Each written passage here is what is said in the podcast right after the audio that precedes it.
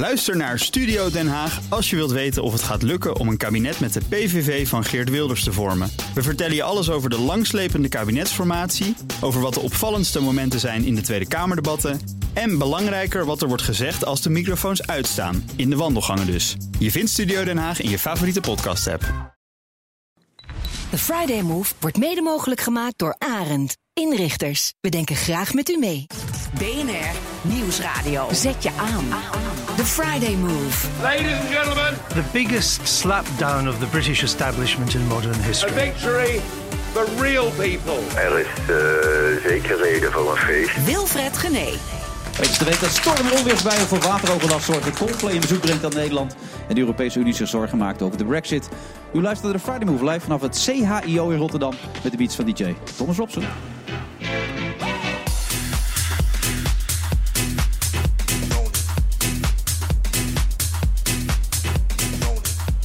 Hij is tv-presentator, voetballiefhebber, vader en bovenal rasidealist. Sander de Kramer is vandaag mijn co-host in deze uitzending.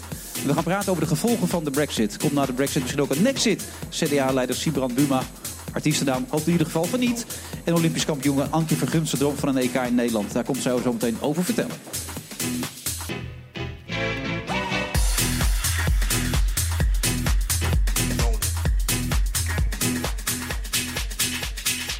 Vrijdag 24 juni, live vanaf het eh, CHIO in Rotterdam. Het is hier eh, aangenaam, moet ik zeggen. Prachtige omgeving. Lekker weer, veel mensen. En naast me zit Sander de Kramer. En dat is volgens mij een enorme paardenliefhebber, Sander. Ja. ja, enorm. Ik kan er heel graag naar kijken.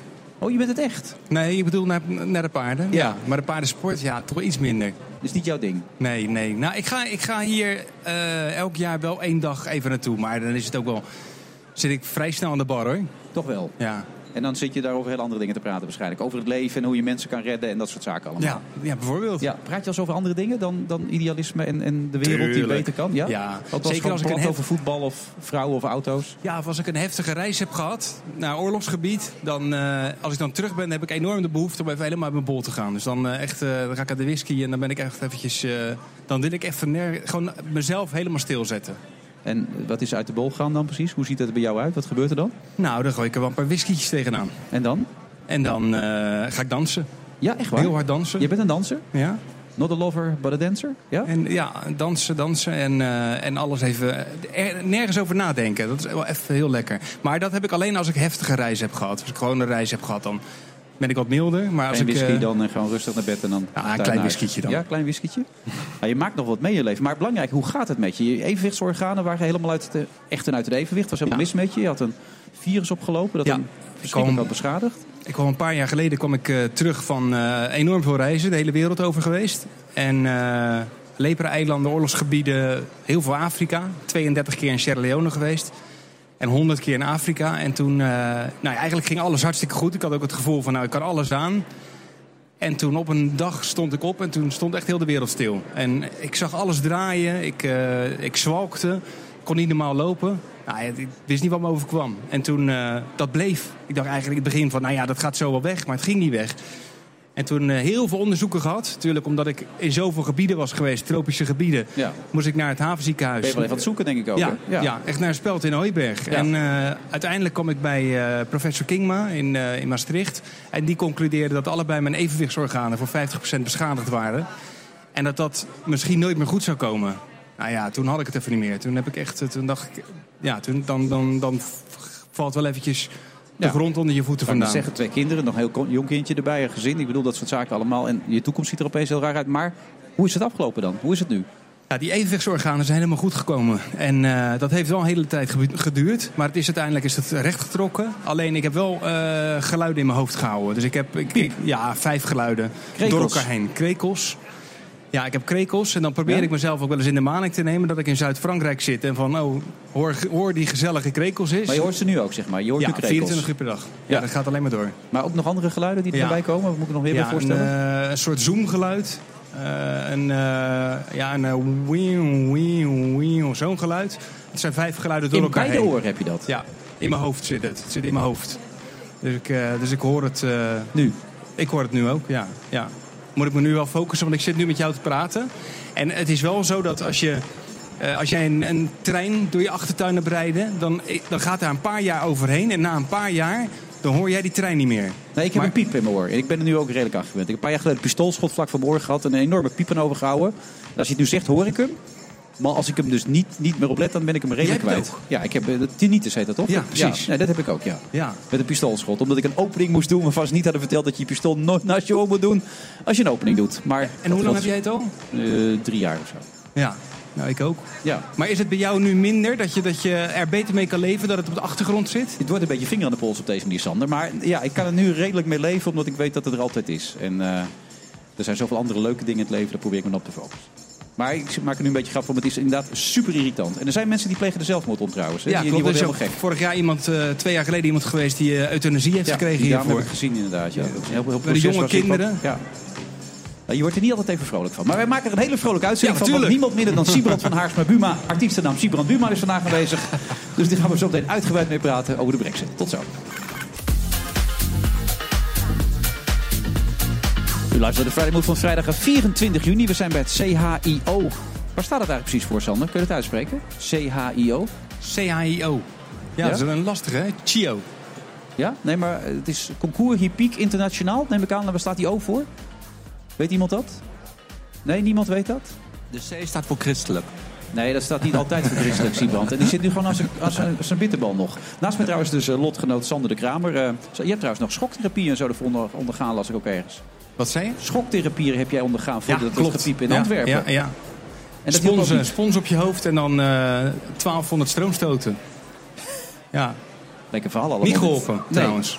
Nee, Eh, er ging ook een stroomschot eh, schot door eh, Europa heen toen we vandaag hoorden dat toch eh, alles eh, mis is gegaan in Engeland. Brexit is als, alsnog een feit. Jan Roos vorige week, jouw grote vriend, zat hier nog. Jaap Jansen, die was van overtuigd door alles wat er gebeurd was met Joe Cox dat het niet zou gaan gebeuren.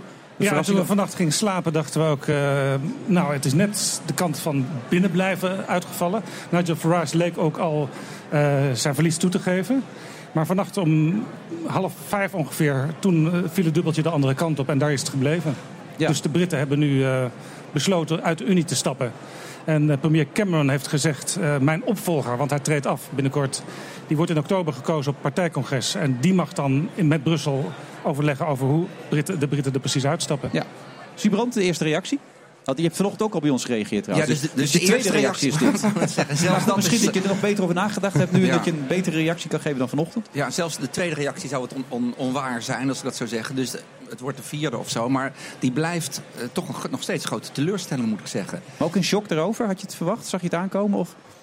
Nou, ik heb mij altijd verbaasd over al die mensen die het van tevoren wisten. Terwijl da- altijd duidelijk is dat de uitslag pas bekend is als het klaar is. Dus ik heb Snelle nooit van tevoren. Ja. wat dat betreft wel. En ik heb Ja. dus nooit van tevoren mij gewaagd aan een eh, weddenschap of zo. Feit is wel dat we vandaag in een, begonnen zijn aan een periode van hele grote onzekerheid. En dat is in een tijd, tijd dat het economisch net ietsje beter gaat, net de, de groei weer komt. Echt doodzonde als we dat weer kwijtraken. Ja, je want- moet even denken, het Centraal Planbureau heeft een paar weken geleden cijfers gepresenteerd. Die zijn eigenlijk alweer vergeten in de discussie. Maar ehm, wil je de eh, Maar jij werkloosheid... bent ze niet vergeten. Die gaan nu komen. Ja, wil je de dus- werkloosheid echt omlaag laten gaan, heb je een groei nodig die een stuk hoger is dan de 2% die we nu hebben. 2,5 à 3% heb je er eigenlijk nodig. Eh, een brexit kan tot gevolg hebben dat we ruim 1% omlaag gaan in Nederland in groei. Dan zitten we dus weer richting de 1%. En dat betekent dus dat iedereen die nu op dit moment werkloos thuis op de bank zit, daar voorlopig blijft zitten. Dat zou kunnen, zeg jij. Het is geen zekerheid, toch? We nee, weten maar dat weet je nooit bij dat soort economische prognoses. Wat is, wat is jouw gevoel erbij? Gaat het zo ernstig worden? We zijn in een tijd van onzekerheid nu, hebben we. Ja, en, en onzekerheid is nooit goed. Ik weet dat niet in cijfers. Maar als je vandaag het nieuws ziet, dan zie je dat de schotten inmiddels ook alweer beginnen. En dat betekent dat de onzekerheid dus alleen nog maar groter wordt. Want nu is de grote vraag, welk land gaat er straks eigenlijk uit de Europese Unie? Is dat het oude Groot-Brittannië wat we kennen? Of gaat dat alleen nog Engeland worden, waar Schotland ook weer uitkomt? Dus de onzekerheid hier is groot. Maar wat er in Groot-Brittannië gebeurt is nog veel onzekerder Ja, nog, en nog erger is dat misschien ook de Noord-Ieren eruit willen. Want die hebben vandaag ook massaal gezegd... wij willen niet met die brexit mee. En Noord-Ierland had je vroeger de Troubles. Dat waren eh, de ruzies tussen de katholieken en de protestanten. En als dat weer opleidt, ja, dan zit je zo weer in de, in de allergrootste ellende daar. Ja, en dan hebben we het alleen nog maar over het Verenigd Koninkrijk. Want we weten helemaal niet wat er dan in de nabije toekomst gaat gebeuren met weer andere landen Nee, in want de grote natuurlijk. angst is natuurlijk dat in... eh, al die Europese landen waar nationalisten op dit moment aan het opkomen zijn. Nederland, de PVV, Frankrijk, Front Nationaal, eh, België, noem maar, maar op. Ja. Dat daar ook de roep om eh, referenda eh, om uit de Unie te stappen groter wordt. Ja, en dan krijg je op een gegeven moment een lappendeken... en dan ben je weer terug in eh begin van de jaren 50... toen iedereen dacht, we moeten gaan samenwerken. Ja, Boris Johnson natuurlijk ook erg blij. Dat, wa- dat waren twee studievrienden, begreep ik, hè? Cameron en, en ja, Johnson. ze zaten samen in een, eh, in een dispuut. Boris die was twee jaar ouder. Eh, die had ook altijd de le- leuke baantjes, de voorzitterschappen en zo. Maar Cameron die had uiteindelijk de beste cijfers van de twee. Oké, maar die stapt, die stapt nu wel op. Logisch, dat moest hij wel doen. Want hij had nog aangekondigd dat hij niet op zou stappen eventueel. Ja, kijk, ik kan me van tevoren wel voorstellen dat hij van tevoren het niet over hemzelf zou gaan. Maar het lijkt me inderdaad ondenkbaar dat een Cameron die zo voor het eh, Remain-kamp stemde, nu ineens de exit zou moeten leiden. Dus het is onvermijdelijk dat hij gaat. Ja, even naar hem luisteren. David Cameron. There is no need for a precise timetable today, but in my view, we should aim to have a new Prime Minister in place by the start of the Conservative Party conference in October. En daar gaat het ook een beetje over. Hè? Eigenlijk wil Europa nu dat, dat Engeland er nu ook zo snel mogelijk aangeeft dat ze eruit stappen. Ja, hè? Rutte en de andere leiders van Europa die hebben vandaag gezegd... dat het moet een snel en ordelijk proces zijn. En nou, de, de orde die geeft aan dat je artikel 50 moet inroepen... als je uit de Europese Unie wil stappen. Artikel 50 van het eh, verdrag. En eh, Cameron die zegt nu, ja, dat moet mijn opvolger dus doen. Dus dan moeten we nog maanden wachten. En eh, Boris Johnson die zegt, nou, ik heb ook nog niet zo'n haast. Het lijkt er een beetje of Boris Johnson geschrokken is van wat hij heeft aangericht. Ja, zou dat het kunnen zijn, eh Sibran? Nou, dat weet ik niet. Ik, ik weet wel dat een zeker tempo wel belangrijk is. Want als Groot-Brittannië jarenlang als een soort halve ehm, exit in de Europese Unie blijft... kunnen ze heel veel nieuwe stappen die de 27 moeten zetten... wel tegenhouden in hun eigen dan echt puur nationale belang. Dus er is wel reden om eh, enige druk te zetten op Groot-Brittannië... om nu ook hom en kuit te geven en te zeggen wat men wil gaan doen. Want we hebben natuurlijk een dag later nog geen idee hoe ze dit willen gaan doen. Maar waarom hebben ze er zo weinig haast mee trouwens, die Engelsen? Nou ja, Ze wilden dit toch, nu blijkt. Ik Dus vrees ja. dat ze toch wel die economische ellende voor zich zien. Eh, je moet je indenken, eh, er zijn allerlei verschillende handelstarieven. Als je niet een goed vrijhandelsverdrag met elkaar hebt. Bij sommige dingen gaat zo 10% bovenop de prijs. Bij sommige dingen zelfs 40%. Eh, ja, dat, die, je, je gevolgen die weet je dus gewoon eh, wat niet. dat betreft. eh, ja, maar zijn zijn er nog een aantal concrete voorbeelden te geven, Sibrand, die op korte termijn voor ons van belang gaan zijn? Wat nu gebeurt? Nou, dat- is natuurlijk het, het, het dubbele hierin. Als eh, Groot-Brittannië niks doet, blijft het lid van de Europese Unie en zit het in alle regels. Maar omdat het eruit wil stappen, zal het allerlei dingen gaan tegenhouden die het Europa wil gaan doen. Dus er komt een verlamming van de 28 door de ene die er niet uitstapt. En daarom is het wel van belang dat men, als men zo stoer is om dat referendum te laten houden. eh, Jaap zegt net Boris Johnson, die van tevoren natuurlijk de stoere exitman was. En nu ineens zegt van ja, eigenlijk hoeft het niet zo snel. Daarbij is nog natuurlijk de vraag, wordt hij de nieuwe premier? Dat Ja. is ook heel apart in Engeland. In Nederland ondenkbaar dat gewoon zo'n partij in een interne partijconferentie even bepaalt wie de nieuwe premier wordt. En gewoon vrolijk doorgaat. Alleen met een totaal ander programma. Ja, het, is kan er eigenlijk- het, is- het verhaal is eigenlijk nog gekker. Want normaal gesproken wordt de nieuwe partijleider in de fractie van het Lagerhuis gekozen. Daar zitten eigenlijk eh, mensen in meerderheid niet op eh, Boris Johnson te wachten. Dus is blijkbaar ervoor gekozen om het partijcongres een rol te laten geven... waar hij waarschijnlijk wel de steun kan krijgen. Nou, dat klinkt dat, dat wil je zeggen Ja, trouwens. wat zou de brexit nou eigenlijk voor, voor mij betekenen? Voor Jan met de pet?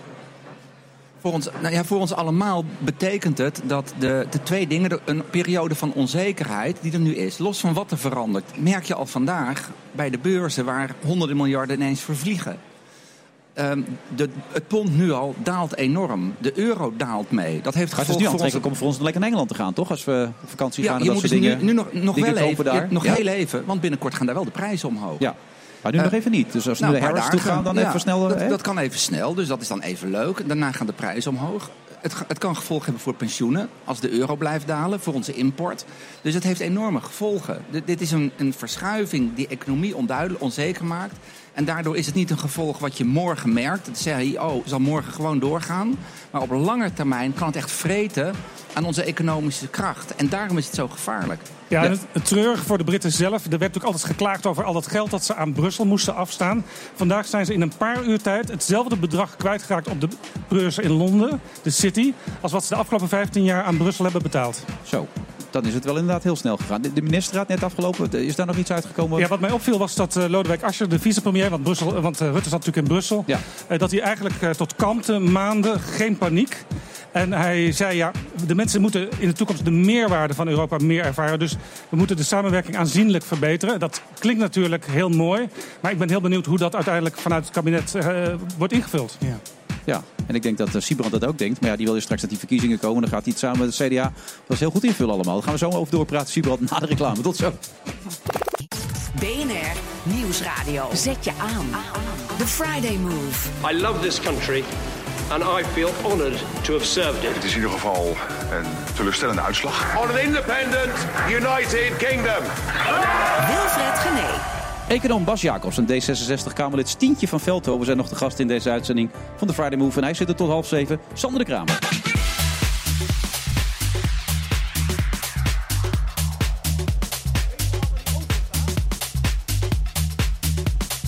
En we zitten vandaag op het CHIO. We proberen nog steeds die auto achter te halen, maar de rest hebben we volgens mij inmiddels boven water gekregen. En de beats zijn nog steeds van DJ Thomas Robson.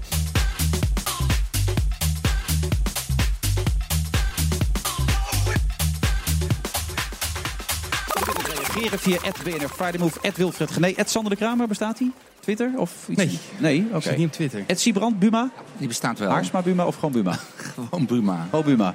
Hoe is het te verklaren eigenlijk, Siebrand, dat die Engelsen toch uiteindelijk gekozen hebben om eruit te stappen? We hadden het er net een beetje over. We zagen gisteren allemaal mensen voorbij komen die nog met een nogal primitief gevoel hun gevoel eigenlijk verwoorden. Zo van ja, het ligt allemaal in Engeland of het ligt allemaal in Europa. Is dat het gevoel geweest? Of? Ja, dat kan heel goed uh, achter hebben gezeten. Vergeet niet, het gaat altijd om een heel klein verschil. Want als het 52 voor was geweest, hadden we gezegd... de Engelsen hebben de andere kant gekozen. Dus dat die kritiek vanuit Engeland op Europa er was, gold al. En Engeland is in het hart natuurlijk nooit echt Europees EU-lid geweest. Ik heb er zelf een jaar gewoond. En als ik dan toen nog in de tijd met de boot weer terugging... dan zei ze ook altijd, je gaat met de boot terug naar Europe. Het, het hoorde er nooit echt bij. Dus ze hebben in hun hart het nooit echt ingesloten. En de immigratiediscussie, denk ik, heeft hier erg bepalend gewerkt voor de beslissing nu. Want daar waren ze klaar mee met al die mensen die maar steeds bleven komen in het werkovername van allerlei mensen. Nou ja, dat is een analyse die ik ook haal uit wat ik zie en wat anderen al eerder hebben geanalyseerd. Dat op het moment dat de discussie ging van de economie naar immigratie, en dat geldt in, in Engeland heel sterk, mensen uit Oost-Europa, um, is ook de, de, de, peiling al meer richting een exit gegaan. Maar wat het moeilijke natuurlijk is, sowieso bij het middel van een referendum. Je, je, mag je nee invullen, maar de consequentie hoef je verder niet te, te dragen. Er moet wel weer iemand daar een richting aan geven. En dat wordt met name zo moeilijk met de keuze die de Schotten gaan maken, mogelijk, een eigen exit. Uh, Jaap zei net al Noord-Ieren. Ja. Het is een hele grote vraag wat er nu verder gaat gebeuren. Ook de status die Groot-Brittannië wil hebben ten opzichte van de Europese Unie. Totaal onduidelijk. Dan las ik iets over de City, de bank allemaal, uh, Jaap. Uh, die zouden eventueel ook naar Amsterdam kunnen gaan of naar Frankfurt. Wat is jouw idee daarover dan? Nou ja, ik denk dat eerder Frankfurt in aanmerking zou komen als er dingen verplaatst gaan worden. nou is de City natuurlijk wel traditioneel heel sterk. Dus ik kan dat nu niet inschatten. Maar ja, er kan van alles gebeuren. Ehm, ze hebben echt, de, de, de doos van Pandora is, uh, is, is, is opengetrokken. En uh, niemand, niemand weet waar we over een paar jaar staan. Nee, want kredietverzekeraar Atradius had al gezegd dat de brexit zal leiden tot een lichte stijging van het aantal faillissementen. Is dat een verwachting ook bij jullie? Of? Ik kan alleen maar dan eh, luisteren naar degene die dat beter doorrekenen dan ik dat kan. Maar dat, is natuurlijk een, dat zou een logisch gevolg zijn van een slechtere economische situatie. Ja, minister Ploemen van Buitenlandse Handel heeft ook allerlei bedrijven bij elkaar geroepen die al handel drijven met het buitenland. Wat zou zij daar moeten zeggen? Want daar kan zij ook nog niet zoveel over zeggen, neem ik aan, toch? Dan? Nou, ik vind het wel verstandig dat ze dat doet. Om toch, al is het maar om te delen welke stappen er nu mogelijk gaan komen. En wat men van de Nederlandse overheid mag verwachten. En wat eh, we, we samen hier kunnen doen. Maar nogmaals, de eerste vraag is hoe gaat Groot-Brittannië zich verhouden? Kijk, als ze een positie willen zoals Noorwegen of Zwitserland verandert er feitelijk niet zoveel. Alleen beslissen de Britten helemaal niet meer mee. Want dan moeten ze gewoon alle Europese verdragen overnemen. Dat willen ze niet dan komen ze in een situatie waarin ze gewoon een buitenland zijn. En krijgen we wederzijds tariefmuren, wat we in de wereld hebben. Ja. Nou, dat is ook niet gunstig. Dus er zijn nog wel hele grote vragen te beantwoorden voordat we daar duidelijkheid over hebben. En het legt ook meteen een grauwsluier over Prinsjesdag en over de komende verkiezingsprogramma's. Uh, want een paar weken geleden was iedereen een beetje in zijn nopjes... omdat er ineens 1,2 miljard uh, extra te verdelen was. Of misschien moet je zeggen minder te bezuinigen was door het kabinet. Dat zou dan gaan naar justitie, naar defensie, naar onderwijs. Nou, die 1,2 miljard kan wel eens heel snel verdampt zijn nu. Maar ja, je zegt steeds het woord kan. Hè? Want dat is het nadeel een beetje. Of nadeel, maar dat is de situatie waarin we zitten. Eigenlijk weten we het allemaal nog Nou ja, niet wat dit voor concreet zie je vandaag de beurs. Maar goed, dat Ja. kan maandag, dinsdag ook weer wat, eh, wat oplopen. Dat het weer wat positiever wordt. Eh, dus je moet in de economie altijd eh, praten over prognoses en aannames. En dat is lastig. Zeker in zo'n geval wat nog nooit is voorgekomen. Ja, ik merk ook aan jou dat je er behoorlijk van geschrokken bent trouwens, Sander. Ja, absoluut. En zeker van het mogelijke domino-effect wat je nu kan krijgen. Ik, bedoel, ik hoorde Wilders al zeggen van... eh, kom erop met die poll, we willen er ook eentje, zo'n referendum in Nederland. En dan krijgen we de nexit. Is dat ondenkbaar? Eh, nou ja, voor mij als CDA zeg ik, een eh, referendum moet je echt niet willen houden. Kijk naar de onzekerheid die dit referendum biedt. We hebben nog net het referendum gehad over Oekraïne... waar we twee maanden later nog steeds niet van weten wat we ermee moeten doen. Dus een referendum biedt niet een antwoord, biedt een nieuwe vraag. En dat is in Engeland nu ook het punt. Dus ik, ik durf er echt wel voor te staan dat wij als Nederland Europa ongelooflijk nodig hebben. Eh, op een programma dat dat zegt, ben ik ook gekozen. En daar zal ik ook voor blijven staan. En ook met 27 landen hebben wij grote behoefte om zonder grenzen en zonder tariefmuren met elkaar handel te kunnen drijven. Maar wat, wat, wat Sander terecht zegt, eh, dat domino-effect, eh, is daar geen vrees voor bij het CDA dan? Het kan. Ja, dat is een, ik, de vraag ging, dacht ik, meer over Nederland. Ehm, een domino-effect dat andere landen eruit kunnen stappen, kan altijd. Dan moet ik zeggen, Groot-Brittannië is zo groot dat het in, een- in, in zijn eentje vijf of tien andere landen ongeveer is. Dat, dat is op zichzelf al dramatisch genoeg. De grote vraag, hoe nu verder, staat wel degelijk op tafel. En moet ook op tafel liggen. Ja, welk land zou daarmee het meest eh, mee bezig kunnen zijn nu in het Nou ja, je hebt Scandinavische landen zoals Denemarken, eh, Finland. eh, daar, daar, daar is al een discussie. Eh, maar zelfs een peiling die ik een tijdje geleden zag over Frankrijk. Frankrijk is toch zo'n beetje de kern van de, een van de kernen van de oprichting van de, van de Europese Unie. Zelfs daar is het publiek al heel erg naar een exit aan het, aan het leunen. Eh, dus ja, er zijn allerlei toch tamelijk irrationele eh, redeneringen bij mensen... die er opgeteld toe kunnen leiden dat men voor een exit zou gaan stemmen... als daar een referendum over komt. Maar kun je dan stellen, Siebrand, dat de Europese Unie in deze vorm, in deze huidige vorm, nog wel kan blijven bestaan? Of dat die een behoorlijke metamorfose zal ondergaan de komende jaren? Nou, dat laatste zal zeker moeten. Met eh, al die verschillende landen is dat helemaal niet zo makkelijk. Maar het zal wel moeten. Kijk, de, de, de uitdagingen waar Europa en alle landen voor staan... is ook een hele andere dan in de 20e eeuw. Toen ging het over economisch bij elkaar komen... in een redelijk duidelijke wereld met twee grote polen. Nu zitten we in een wereld waar Rusland aan de deur klopt... waar de Turken eh, voortdurend bombardie maken... Eh, crisis in Syrië en Noord-Afrika. Dus vlakbij Europa is onrust, is onveiligheid. We hebben terrorisme, we hebben vragen over immigratie en, asiel. Voor die vragen is Europa niet echt gebouwd. En ik ben er wel van overtuigd dat een ander Europa dus veel meer in staat moet zijn om die vragen te beantwoorden. Dus ons geopolitiek is dan een mooi woord, ons meer veiligheid te bieden. En misschien wat minder die gedetailleerde economische regels, waar men ook in, in, in Engeland, maar ook in Nederland vaak genoeg van heeft. Maar hoe stappen we daar vanaf? We hebben nu ook met het vluchtelingenproblematiek kunnen zien hoe groot de verdeeldheid is geweest. Een aantal landen dat wat wilden doen, een aantal landen dat Ja. helemaal niets wilden doen. Dat is dus wel een voorbode natuurlijk. Nou, dat is een heel groot punt. Ik zeg wel, punt, ik zeg wel tegen diegenen die tegen Europa zijn. Dit komt dus doordat we niet op die terreinen de Europese verplichtende samenwerking hebben. Dus ga niet zeggen het komt door Europa. Dat komt doordat 30 landen die niet iets afspreken, altijd verschillende standpunten innemen. Dus wij zullen het gezamenlijke moeten vinden. En uiteindelijk is het beperken van irreguliere immigratie, het bieden van meer zekerheid aan de zuidgrenzen en het vuist maken tegen terrorisme een belang dat echt alle nu 27 landen moeten delen. En dan laten we ons heel veel aanleunen door een land als Turkije. Met een leider die dingen roept en zegt. Waarvan je echt denkt, van, moeten we hier nog mee te maken willen? Dat, dat vind ik dus een van de grote bewijzen dat Europa echt anders moet worden. Nu is het zo dat er is een vluchtelingenprobleem. Europa zelf kan het niet oplossen. Turkije stelt eisen, krijgt 6 miljard euro, krijgt visumvrijheid, krijgt van alles. Voor een tijdelijke oplossing van een probleem. Terwijl structureel Turkije daar echt sterker van wordt en wij zwakker. Ja. En aan de ene kant gaat dus Engeland eraf en krijgt Turkije visumvrijheid. Dat is een hele rare disbalans die er komt. En daar moet een antwoord uit opkomen. Wat nogmaals veel meer Europa een, een veiligheidsvuist biedt. Dus ook het gebied van defensie, politiesamenwerking en buitenlands beleid.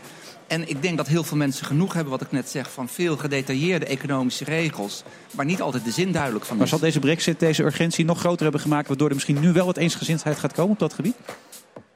Nou, laten we hopen eensgezindheid. Ik hoop ook meer urgentie. Ik moet wel zeggen dat ook zonder brexit dit urgent was. Dit Ja, moet dat was het, maar het bleef liggen. Het ging niet. Het, het ging niet op de manier waarop we het zouden willen. Nee, en het blijft ook heel moeilijk met 27 landen. Dat is een feit. Maar ik hoop wel dat het duidelijk is dat we elkaar echt nodig hebben in deze onzekere wereld. Ja, dat snappen we. Maar daar moeten we wel wat mee gaan doen. Wat wou je zeggen? Nou Jaap? ja, ik vrees ook een beetje dat de politieke elite, waar het CDA soms af en toe ook bij hoort, misschien altijd, eh, heeft het ook een beetje over zichzelf eh, afgeroepen. Want je had natuurlijk in Nederland in het verleden mensen als Bolkestein, eh, minister van Financiën Gerrit Salm, die klaagden over al die afdrachten aan Europa.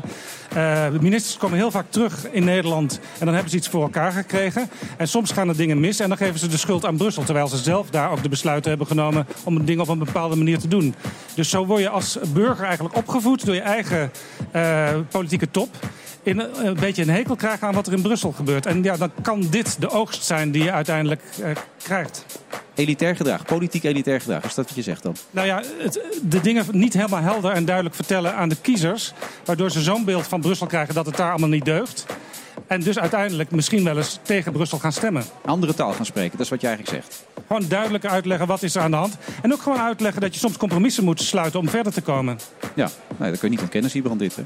Nou, kijk, zelfonderzoek ben ik altijd voor. Tegelijkertijd, ehm, als je als politicus kritiek hebt op keuzes die in Brussel worden gemaakt, moet dat ook wel kunnen. Als wij kritiek hebben op de Nederlandse regering, zegt men niet meteen van, oh, er komt discussie over Nederland, stop daarmee. En als er keuzes worden gemaakt in Brussel, vind ik dus misschien anders dan Jaap, misschien bedoelt hij wel hetzelfde, maar toch moet het mogelijk zijn om daar kritiek op te hebben.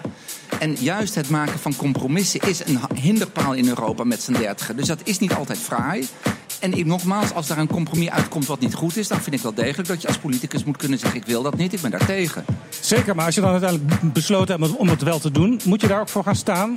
Met alle mits en maren die je erbij kunt vertellen. Ik geef jullie de gelegenheid om zo meteen nog even door te gaan tijdens de reclame. Maar ik moet helaas nu stoppen. Siebrand, hartelijk bedankt. Dat zeg ik ook tegen jou. Ja, wij gaan zo weer verder in deze uitzending. Sander de Kramer, hij zit hier tot half zeven. Tot zo. U luistert naar de Friday Move vrijdag 24 juni. We zijn bij het CHIO en de dame die ons alles kan vertellen waar het precies voor staat, die gaat het namelijk nu ons vertellen. Drievoudig Olympisch kampioene Ankie van Gunsven. Waar staat die O voor, eh Ankie? Welke O? Van CHIO. Eh, niet van die moeilijke vragen stellen. Eh, ook concours, hippiek, internationaal. eh, Zover was ik ook, ja, maar... ehm, ja, kom, ga ik... Ja, dat is gek, hè, want we hebben nu een aantal mensen gevraagd. Maar weet jij het inmiddels? Ik weet het inmiddels. Ja? We hebben net ingefluisterd. Officieel. Oké, nou bedankt. Pakken we zo even mee hè, in de uitzending. In het Frans. Zijn we drie kwartier Officieel. onderweg en dan hebben we hem inderdaad Ja. ook. Maar we zitten gewoon aan tafel, Sander, met een legende. Wat is jouw gevoel als je naast Ankie van Guns mag zitten? Ja, dat, eh, dat is heel bijzonder. Ja, ik vind toch? het echt, ja, ik vind het echt heel bijzonder. Drievoudig Ongelofelijke ja, prestatie. Olympisch kampioen. Ik zeg het nog gewoon één keer. Hoe kijk je er zelf tegenaan? Ja, ik, eh, ik heb er verder weinig last van. Ja? Ja, ik denk er... Nee, ja, ik ben wel heel trots op natuurlijk. Maar ik denk er niet echt vaak over na. Gewoon soms een momentje genieten. En dan denk ik, oh, was best knap. je, je doet ze wel eens alle drie om. Gewoon toch? En dan ga je voor die spiegel staan en zeg je... Hé hey Ankie, daar ben jij. Nee, maar eh, Nee? dat zou ik wel kunnen doen. Nee, maar soms denk ik wel echt, eh, zeker nu naar de Olympische Spelen in aanloop naar Rio. Ja. Ik denk, nou, was toch wel knap drie keer op rij. Had zelf ook niet verwacht. Dat is wel gaaf. Maar waar zijn ze? Waar liggen In de ze? kluis. Je weet al waar ze liggen, gelukkig. Ik, eh, ja, ja. Ja. Oh, dat is heel wat Ik heb ze gisteren nog gezien toevallig. Maar ik heb ze in de kluis liggen, want... ehm, Dat was niet toevallig. Je wist dat je hier naartoe ging. Je denkt, ik ga ze even bekijken. Ah, nee, Ja, mijn zoontje had een spreekbeurt. En die moest ze meenemen. en die wilde wat andere medailles mee. Ja, van het EK. Dus, eh, maar toen ben ik ze wel weer Oh tegengekomen. ja. Over het EK gesproken, het Nederlandse dressu- dressuurteam vorig jaar goed gedaan natuurlijk. Ja, super hier. Ja. Ja. Dus heeft dat nog gevolgen gehad, ook voor het hele paardrijgebeuren in Nederland? Heeft het nog een extra impuls gegeven? Ja, ik denk eh, het paardrijden in Nederland gaat sowieso al heel erg goed. Met springen Mijn dochter het... zit nu ook op paardrijden, maar Ja, dat top. Ja, top. Gaat je wel geld kosten. Ja, ik weet alles maar, ja. ehm, ja, het, is wel, eh, het gaat gewoon heel goed met paardsport. Zowel dressuur als springen. Dus nu naar de Olympische Spelen toe moeten we eigenlijk daar ook voor medaille gaan met de teams. Maar is dat reëel? Dat is heel reëel, ja. Noem eens wat kanshebbers voor ons. Gewoon even voor de Nou, weg. team, dressuurteam. Eh, gisteren hebben ze hier de landenwedstrijd gewonnen. Onder leiding van Hans-Peter Minderhout, Adelinde Cornelissen, eh Diederik van Silfhout. Die reden alle drie supergoed. Daniela Heikoop zat ook nog in het team. Maar eh, Edward Gal die wil denk ik nog een plekje in het team. Dus die moet met het NK weer meerijden. Maar dan gaat het dressuurteam zeker voor een, eh, voor een medaille. Normaal gesproken. En het springteam is ook super sterk. Er zijn zelfs 7 achteruiters sterk, terwijl er maar 5 we- mee mogen. Dus Oké, dat klinkt dus hartstikke goed. En, en Ja. wat is jouw rol? Want jij bent nu coach meer, hè? Je bent meer eh, langs de zijlijn nu. Ja, ik ben nu coach. Alleen eh, mijn leerlingen doen het even niet zo goed. Oh jee. je lacht erom, maar dat is heel triest dit. Ah, ja, dat gaat met, mijn leven is met ups en downs. En voor jou waarschijnlijk ook. Nou, alleen Maar- maar, eh, ups natuurlijk. Ja, alleen maar ups. wel, Ja. ik heb helaas soms ook downs. Maar eh, nee, goed. eh, de Maar is er twee een verklaring leerlingen, voor? Is er de ja, reden? twee leerlingen wat ik mee had doen in de race, die hebben hier niet goed gepresteerd. En die waren allebei ook een langere tijd niet in beeld. Eentje is pas net in beeld omdat hij pas sinds kort meerijdt. Dus dat is allemaal nog, ja, nog Zit er ook naam aan vast aan die, aan die leerling? Madeleine Witte, ja. Die heeft een hele goede aanloop gehad. Maar eh, ja, hier blijkt toch de onervarenheid van het paard. En de andere leerling was Danielle Heikoop. En eh, we hadden gisteren echt veel te veel spanning in de, in de training. En dat lupte, liep dus in de proef ook niet goed. Spanning in de training. En dan heb je dus een drievoudig Olympisch kampioen om je heen. En die moet die spanning weg kunnen halen. Ja, dat die was moet onweer in het bos. En we moesten uit het bos naar de binnenhal. En eh, Oh. toen van de binnenhal weer naar buiten. En dat was allemaal een beetje te veel van het goede. Dus eh, ja, ik, ben, ge- ik heb geen invloed op het weer nog niet. Daar moet ik iets aan doen. Want ik heb wel eens met voetbaltrainers gezeten die op heel hoog niveau hebben gespeeld. Bijvoorbeeld Ronald Koeman. En die moesten dan met selecties werken die net iets minder waren. Die vonden dat best moeilijk zo nu. En dan om bijvoorbeeld naar voetballers te kijken waarvan je denkt, ja, als je dat dan niet eens kan, wat zal ik je nog proberen uit te leggen? Heb jij dat gevoel ook wel eens? Eh, nee, zulke mensen heb ik niet in de les. nee, die neem ik niet aan.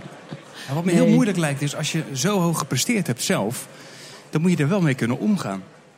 Met, met de leerlingen die, die het minder doen. Ja, maar het was niet per se dat de leerlingen het mede- minder deden. Maar het was meer eh, een gebrek aan ervaring op dit moment en een gebrek aan routine.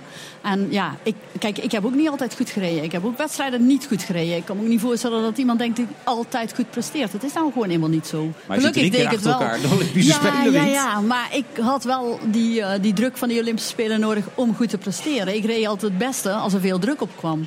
Maar ja, dat heeft ook niet iedereen hetzelfde. Maar dat zijn de echte. Dat zijn de topsporters. Dat zijn de Maar goed, vedetten zijn dat. Als het die veel waren geweest, had ik ook die medailles Nee. niet gehad. Dus, eh. Dat is wel waar. nou, nou heeft hij het programma De Wandeling. En ik kan me voorstellen dat je Ankie ook wel een keer in de wandeling Ja, zou dit willen. is eh, zeker een wandeling waard. Wat, Ja. wat zou je graag van Ankie nu willen weten? Gewoon dat gevoel even uit de wandeling. Dat even neerzetten gewoon. Mis je het niet ontzettend, het, het, het, eh, het Olympisch rijden zelf? Nee, helemaal niet. Eh, ik, zou, ik kan me niet voorstellen dat ik eh, zonder paarden en zonder rijden zou moeten. Dus ik ga elke morgen eerst, vanmorgen ook eerst vier paarden gereden voordat ik hier naartoe kwam. Want dat is wel heel goed voor mijn humeur. Maar die wedstrijden, dat mis ik niet. Nee. Je krijgt een enorme band met, met, met het paard. Op het moment dat zo'n paard overlijdt. Dat lijkt me zo ontzettend moeilijk. Ja, dat is ook heel heftig. Ehm, ja, eh, dat is ook wel het mooie aan, aan onze sport. Dat je zo'n fantastische band met een paard kunt krijgen. En dat heb ik ook echt niet met alle paarden. Maar als je dat dan wel hebt en het leidt tot eh, niet alleen een fantastische band, maar ook nog mooie medailles. Ja, dat is ultiem. Hoe zou je die band omschrijven? Ja, ik had eh, met Salinero heel sterk, maar met Bonfire nog meer. Dat ik het gevoel had... eh, het is moeilijk om aan niet-paardenmensen uit te leggen, denk ik. Want sommige mensen begrijpen het niet echt. Maar ik had al het gevoel dat, ik voor hem, dat wij samen op één lijn zaten. Dat ik het dacht en hij het al deed of andersom. En dat we ook precies elkaar eh, aanvoelden. Van, eh, nou, vandaag heb jij even een mindere dag en vandaag heb ik een mindere dag. En dat vingen we bij elkaar op op de een of andere Een manier. soort huwelijk eigenlijk, of niet? Of is het een soort huwelijk? Of, eh, of... Ja, ja, hij mocht natuurlijk niet mee naar binnen, maar dat was ook het enige. Ja. nee, maar ja, het is wel, natuurlijk is het geen mens. Het is anders met mensen als met kinderen. Maar voor mijn gevoel eh, gaat het wel echt ja, verder als dat ik bijvoorbeeld een band met mijn hond heb. Omdat je ook elke dag samen traint. En eh, als ruiter ben je steeds bezig om te kijken, zit de paard goed in zijn vel? Voelt hij zich lekker? Heeft hij goed gegeten? Is hij fit? Kijk, mensen kunnen uitleggen, ah, ik voel me, zit niet zo lekker in mijn vel. Maar als je met een paard bezig bent, dan moet jij dat aanvoelen. En jij moet weten waarom die niet lekker in zijn vel zit. Dus je moet ook heel erg meegaan in eh, hoe zo'n paard zich voelt. Want alleen maar dan kun je hem top laten presteren. Zit jij lekker in je vel nu op dit moment, Ankie? Ja, toch wel hoor. Ja, hè? Ja. ik zie het aan je inderdaad. Ja. Ja. Lekker in je vel. Ja. Nou, binnenkort in de wandeling bij, bij Sander. Ja, gezellig met jullie aan tafel. Ja. nou, blijf nog even zitten. We gaan er even uit voor de reclame. Tot zo. De Friday Move wordt mede mogelijk gemaakt door Arend. Inrichters, we denken graag met u mee. BNR Nieuwsradio. Zet je aan. The Friday Move. Eh, wat denkt u? Wordt het een brexit of zullen ze erbij blijven? Ik denk dat ze erbij zullen blijven. Ik krijg een brexit of ik eh, hou er een fles wijn aan over. Dus dat is mooi. Die staat nog steeds te flyeren voor de Remain vote. Wilfred Gené. De Friday Move, live vanaf het CHIO in Rotterdam met de beats van DJ Thomas Robson.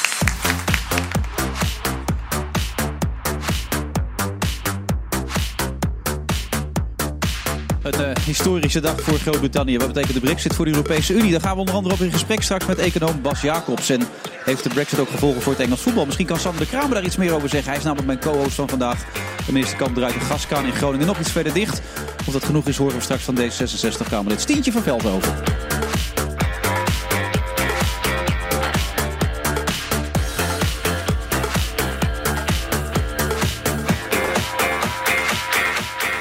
Dat nou New Order? New Order, hoorde je dat? Sander? En ik, Ankie kende hem ook nog van Ja, dat vroeger, is een toch? van mijn lievelingsliedjes van vroeger. Op de dansvloer ook, Ankie en zo, ja? Handjes Ja. in de lucht, Ja, een beetje altern- heel ritmisch. Maar ook eh, een beetje alternatieve kleding aan en zo, Ja, dat soort dingen. ja. Want je hebt nu ook een zwarte trui aan, een spijkerbroekje. Ja, maar dat was omdat ik dacht dat het hier regende. Gisteren was ik heel zomers en toen ging het heel hard regenen. Ik denk, draai het om en dat werkt, want het schijnt de zon. Ja, maar wat mij ook opviel, je, je mengt je gewoon tussen het publiek. Drievoudig Olympisch kampioenen. Je bent gewoon aan te raken, je bent aan te spreekbaar eventueel ook. Maar dat kan Ja. toch niet? Je moet toch een beetje, je bent toch de ster en zo? Of, Ja, dan ga ik met iedereen mee op de foto die dit wil. Ja? Dat is toch leuk? Ja. dat hoort zo in de paardenwereld. Daar hebben ze Ja. geen capsones en doen ze niet zo. ja, er zijn er ook wel, maar ik hou daar niet zo van. Wie heeft nou echt capsones in de paardenwereld bijvoorbeeld al? Eh, eh, ik denk niet zo heel veel die echt op topniveau meerijden. Want eh, wij zijn allemaal, als je met paarden werkt, dan heb je veel hoogte, maar ook veel dieptepunten. En dus blijf je wel, denk ik, serieus vaker met je voet op de grond. Het zijn er net nietjes die, die ze een beetje moeilijk lopen te doen. Dat is meestal wel zo. Ja, zoals bijvoorbeeld? Ja, ik ga geen namen noemen. Oh nee, nee, dat is onaardig. Ik wil niet onaardig ik, ik, ik kwam er een beetje mee op, omdat we zaten tijdens de reclame even over, over stervoetballers en dat soort mensen te praten. En jij zei toen van ja, dat was in mijn wereld nooit mogelijk geweest. Hoe die voetballers zich gedragen, dat is kansloos. Ja, Hoe bedoel je ik- dat? Ja, ik vind dat er veel eh, voetballers toch wel met een hele grote R rondlopen. En eh, je kan best wel eh, blij zijn met jezelf, maar dan kun je volgens mij nog steeds normaal eh, met andere mensen omgaan. En dat raken sommige voetballers een beetje uit het oog kwijt. Sterren, Die hebben iets te veel sterrenstatus dan, denk ik. Sander, jij kijkt vaak naar de andere kant van de wereld. Je bent bij vluchtelingen, je bent in Sierra Leone. Je probeert allerlei mensen te helpen in moeilijke situaties. Stoort je dat? Wat we nu bespreken? Als je dat ziet?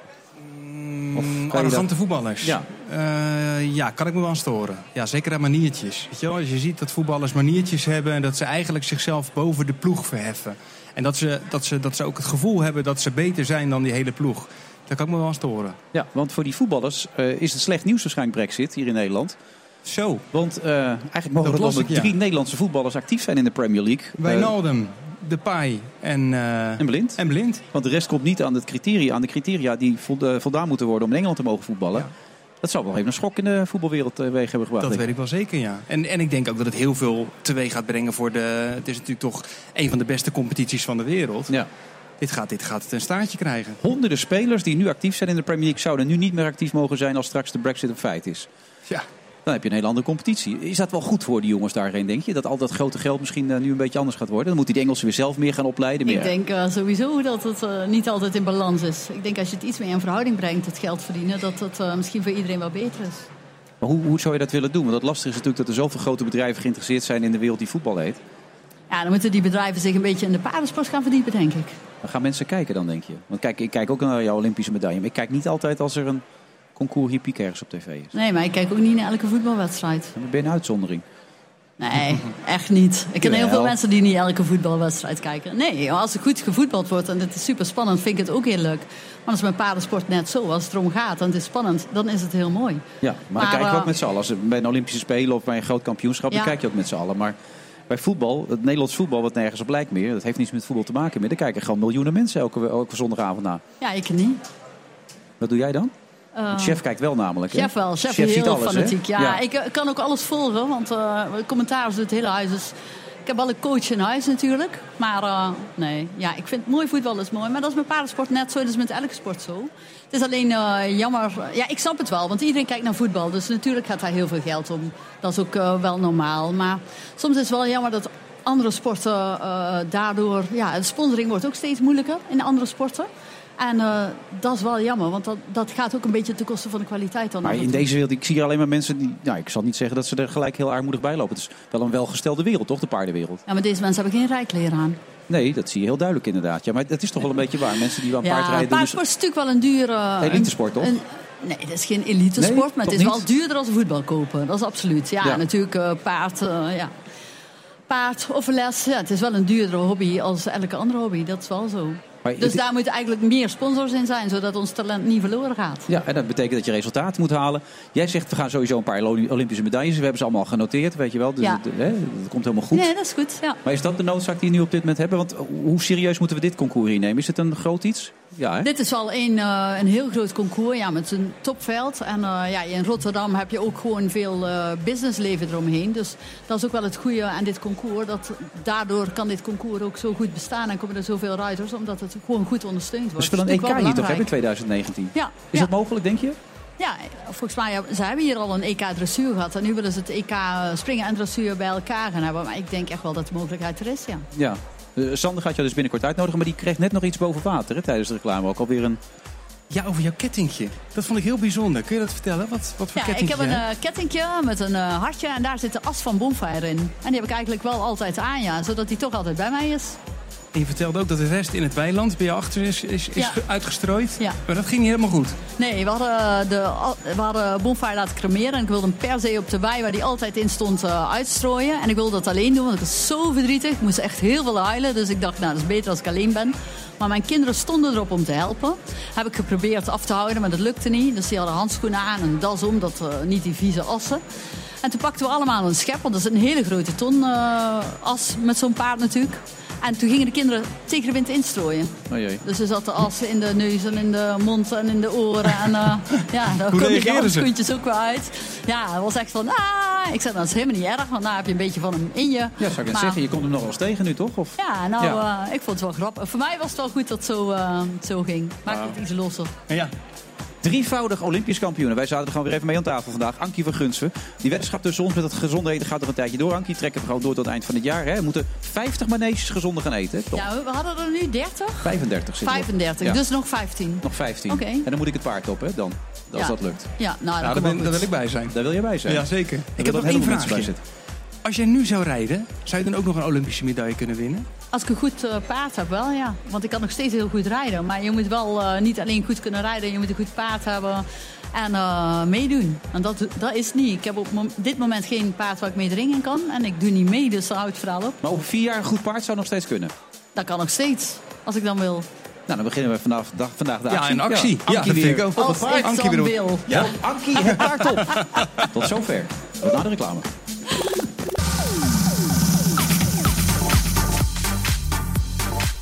Het CHIO. Sander de Kramer nog één keer. Waar staat het nou ook alweer voor? Eh, concours Hippique. eh, concours Hippique Internationaal Officieel. Ja, we hebben hem. Ja, Ja, ja, hoor, hij is ja, binnen. Dat is fijn om te weten natuurlijk. En vind je het wat hier? Ik vind het gezellig. Ja, hè? Het ziet er goed uit. En dan ook nog Maar het zonnetje doet ook lekker mee. Ja, en, heb je nou nog steeds die, die, die, die, die eh, krekels in je oor en die Ja, jij ook. brandend haarvuur? Hoor jij het nu? Ik, ik hoor mijn piep, maar niet. Volgens mij heb jij een erger geluid in je oor. Voor de Jij mensen die het la- Ja, ik hoor het wel, maar voor de mensen die het later ingeschakeld hebben. Sander en ik hebben allebei last van tinnitus. We hebben allebei geluid in ons oor. Maar volgens mij bij jou nog iets sterker dan, dan bij mij, denk ik. Ja, dat weet ik niet. Dat, dat, dat, daar ben ik altijd benieuwd naar. Als ik heb hem iemand- alleen in mijn rechteroor. Oké, dat kan ook is- dat is wel fijn. Ja. Ja, hem zit in echt in mijn hoofd. Ja. In mijn hoofd. Maar je voelt je nu wel bij een kampvuur op dit moment. of Nou, niet? ik heb nu, als er nu zoveel geluiden zijn, dan is er zoveel afleiding dat je hem eigenlijk niet hoort. Dan ben je er niet mee bezig. Nee. Maar eh, s s'avonds, als je s'nachts eh wil, gaan- wil gaan slapen, dan, ja, dan hoor je hem gewoon duidelijk. Of 's ochtends, of als het stil is, stille momenten. Wat jij vertelde, dat als je in de tuin zit, ja, dan kan die wel eh Dat heb ik verteld buiten, buiten de uitzending om, heb ik dat jou verteld. Maar dat Ja. maakt niet uit. Dat vertelde jij nu in deze in de uitzending. Zodat mensen ook weten als ik in de tuin zit, dat ik dan heel weinig hoor. Ja, ik hoor wel wat, maar ik hoor die piep. Maar ik wil eigenlijk de rust horen. Dorrie Eilers, hartelijk welkom. Ja, neem, neem je net een slok en dan gaat de Ja. presentator tegen je praten. Ja. Bedrijf van de Neptunus, eh, onder andere verantwoordelijk voor de tenten die hier staan. Ja. Ehm, ma- mag ik even gelijk vragen, hier staat een soort witte punttent. Wat is hier de specialiteit van, van deze tent? Nee, dit is eh, gewoon een, eh, een, eh, ja, een overkapping, zeg maar. Oh, Eh, is niet zo'n en, speciale tent. Jawel, jawel, absoluut, absoluut. Dit is een mo- een mooie terrasoverkapping. Dus, en we hebben ook alles zeg maar, rondom de pistes geïnstalleerd. Zeg maar. De tribunes en de tenten met meerdere etages en alle punttenten. Dus eigenlijk ja, alles wat je ziet. eh, Zijn jullie tenten? Ja. ja. En dat doen jullie al een tijdje, heb ik begrepen. Dat is een familiebedrijf. Ja, klopt. Ja. Wij bestaan volgend jaar eh, 80 jaar. En eh, mijn opa is eh, 1937 met het bedrijf begonnen. En eh, daarna mijn vader. En eh, ik heb het bedrijf nu samen met mijn broer en mijn zus. eh. Maar in 1937, waar moesten er dan tenten verschijnen precies dan? Nou, mijn opa heeft een eh, kist gevonden op het strand in eh, Groningen. Hij was Ja. daar aan het strandjutten. En eh, toen heeft hij de kist mee naar huis genomen en er bleek dus een, een, de drietand op afgebeeld te staan. En in die kist zat een oude legertent. Dus die heeft hij op een gegeven moment mee naar huis genomen. Heeft hij eens een keer voor een feestje in zijn tuin geplaatst. En toen kwamen de buren al eens een keer vragen om een tentje te lenen. En ja, toen kwamen ze zo vaak om dat tentje vragen. Dat hij zoiets had van, ja, nu moet ik er toch een keer huur voor gaan vragen. En omdat de drietand de vork eh, van Neptunus op de kist stond afgebeeld... heeft hij het bedrijf eh, Neptunus eh, genoemd. Dit is nou een mooi Zo- verhaal. zo- zo- Bijzonder. zo Dit is nou een mooi verhaal. Dit is een wandelingverhaal. Dit is een wandelingverhaal. Ja. Dat zou ik net tegen je zeggen inderdaad. Ja, prachtig verhaal. En opeens is het een miljoenenbedrijf geworden. Want jullie Ja. zetten overal tenten neer. Vluchtelingenkampen, maar ook de Olympische Spelen, toch? ja, ja, we hebben zes buitenlandse vestigingen en eh, ja, 90% binnen Europa. Ja. Nou ben jij in zo'n vluchtelingenkamp geweest. Je hebt die tenten gezien. Ja. Hoe was dat? Ja, dat is heel heftig. Zeker als je zoveel mensen in, eh, in relatief te kleine tenten natuurlijk ziet. En, eh, en de armoede in mensen hun ogen. Huis en haard verlaten, vaak voor een oorlog gevlucht. En dat, dat heeft het meeste indruk op mij gemaakt. Die, die lege blikken in kinderenogen. Dat vind Ja. ik, dat, dat is zoiets heftigs. Dat, dat, dat wendt nooit. Dat is, dat is ja, daar, kan je echt s s'avonds wel van, van huilen gewoon. Maar valt het te leven in die tenten? Ja, dat is natuurlijk een heel lastige vraag aan de persoon die Ja. die tenten maakt. Maar ik bedoel... Nee, maar ja, goed, daar wil ik misschien wel even op inhaken. Eh, wat wij geleverd hebben, dat zijn gewoon, dat zijn niet de tenten die je hier ziet die wij voor eh, evenementen neerzetten. Eh, dit, dit, is, dit zijn hallen die, eh, die ook eh, gefabriceerd zijn om snel op te bouwen en snel af te bouwen en te transporteren en weer naar het volgende evenement. Ehm, wij, hebben, wij begeven ons ook nog op een ander marktsegment en dat is tijdelijk bouwen. Dus we bouwen ook tijdelijke supermarkten, tijdelijke sporthallen eh, en ook dus tijdelijke huisvesting. Maar die huisvesting voldoet gewoon aan bouwbesluit. Dus dat, is, ja, dat, dat heeft eigenlijk niks meer met, eh, met tenten te maken. Dat is gewoon een permanente bouw, maar dan wel eh, zodanig eh, gemaakt dat, eh, dat het te demonteren is en weer her te gebruiken is. Maar beleef je dat dan ook van dichtbij mee als dat dan gevraagd wordt om dat soort dingen te maken? Of is het gewoon een order zoals vele andere orders? Nee, nee, natuurlijk niet. Ik bedoel, er was natuurlijk, eh, zeg maar, eh, eind eh, 2015 er was natuurlijk echt wel heel veel vraag naar eh, dit soort accommodaties. En wij zijn altijd heel sterk geweest in volumebouw. Hè, sporthallen, hoogte, breedte. Eh, maar wij hadden eigenlijk niet echt een product wat geschikt was om eh, zeg maar kleinere ruimtes te creëren. En, eh, dus wij hebben, een, wij hebben ook een eigen bedrijf in, in Polen waar wij zeg maar, al onze producten ontwikkelen. Dus wij ontwikkelen en ontwerpen en fabriceren alles zelf. Dus wij hebben eigenlijk in no time hebben wij daar een nieuw product voor ontwikkeld. in december. En ja, daar zijn wij die markt mee opgegaan. Ja. Ja. En tenten waar in te leven valt. Dus het zijn wel hoogwaardige dingen, begrijp ik. Dat wel gelukkig. Ja, ja, ja. En dan de Olympische Spelen? Of, of gaat het dit keer niet door? Nee, dit keer niet. Eh, wij gaan niet naar Rio. Wij zijn ook supplier van NOC-NSF. En eh, dus eh, als er ergens een Holland Heinekenhuis gebouwd gaat worden... of een high performance center bijvoorbeeld tijdens de Olympics in Londen... hebben we een high performance center voor NOC-NSF geplaatst... waar de sporters zich dan kunnen voorbereiden en kunnen trainen. Nou, dat was allemaal niet nodig in Rio, omdat ze in vaste gebouwen zitten... En eh, wij hebben wel eh, natuurlijk wel over nagedacht van, goh, gaan wij naar Rio? Eh, want daar hebben ze natuurlijk ook allerlei accommodaties nodig. We hebben in Londen hebben we ook eh 10, 12 eh, hele mooie accommodaties neergezet. Tijdelijke restaurants voor McDonald's en ja, voor alle grote sponsors van de Olympics, zeg maar. Maar in Rio hadden wij toch zoiets van, ja, wij konden daar geen betrouwbare partner vinden. Eh, het was- Economische noodsituatie uitgeroepen, hè, Rio ja, ook laatst. Ja, ja klopt. Ja. Dus we hebben eigenlijk besloten om eh, daar eh, niet naartoe te gaan. Maar wat wel heel leuk is om te vermelden misschien is dat... eh, er wordt wel een thuisblijf-event georganiseerd. De Holland Experience... eh, ehm, eh, nee, het heet niet... even kijken, ik ben even de naam kwijt. Maar in ieder geval, er wordt een thuisblijf-event georganiseerd... namens NOC-NSF en This is Golf.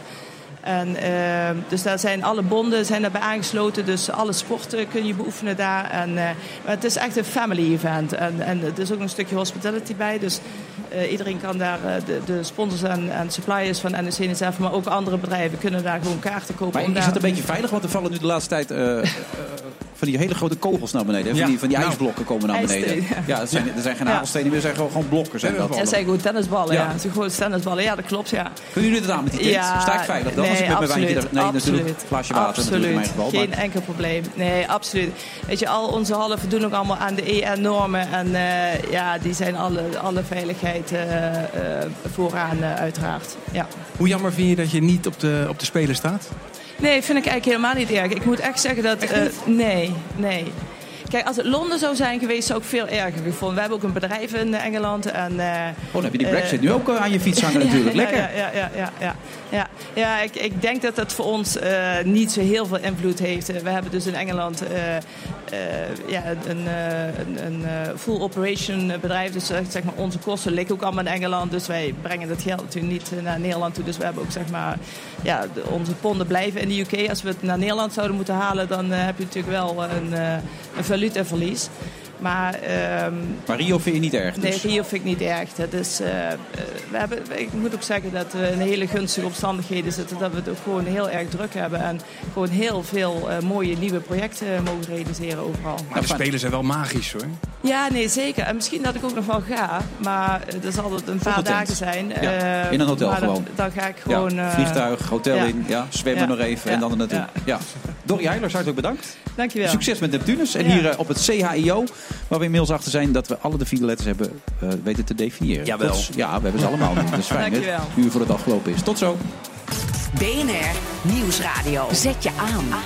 The Friday Move. Ladies and gentlemen, The biggest slapdown of the British establishment in modern a history. victory for real people. Er is eh, zeker reden voor een feest. Wilfred Gené. Het is de dag dat de Britten kiezen voor een toekomst buiten de EU. De Britse minister-president David Cameron aangekondigd heeft af te treden. Minister Kamp de gaskraan de komende vijf jaar verder dichtdraait. Hij zit er tot half zeven. Sander de Kramer.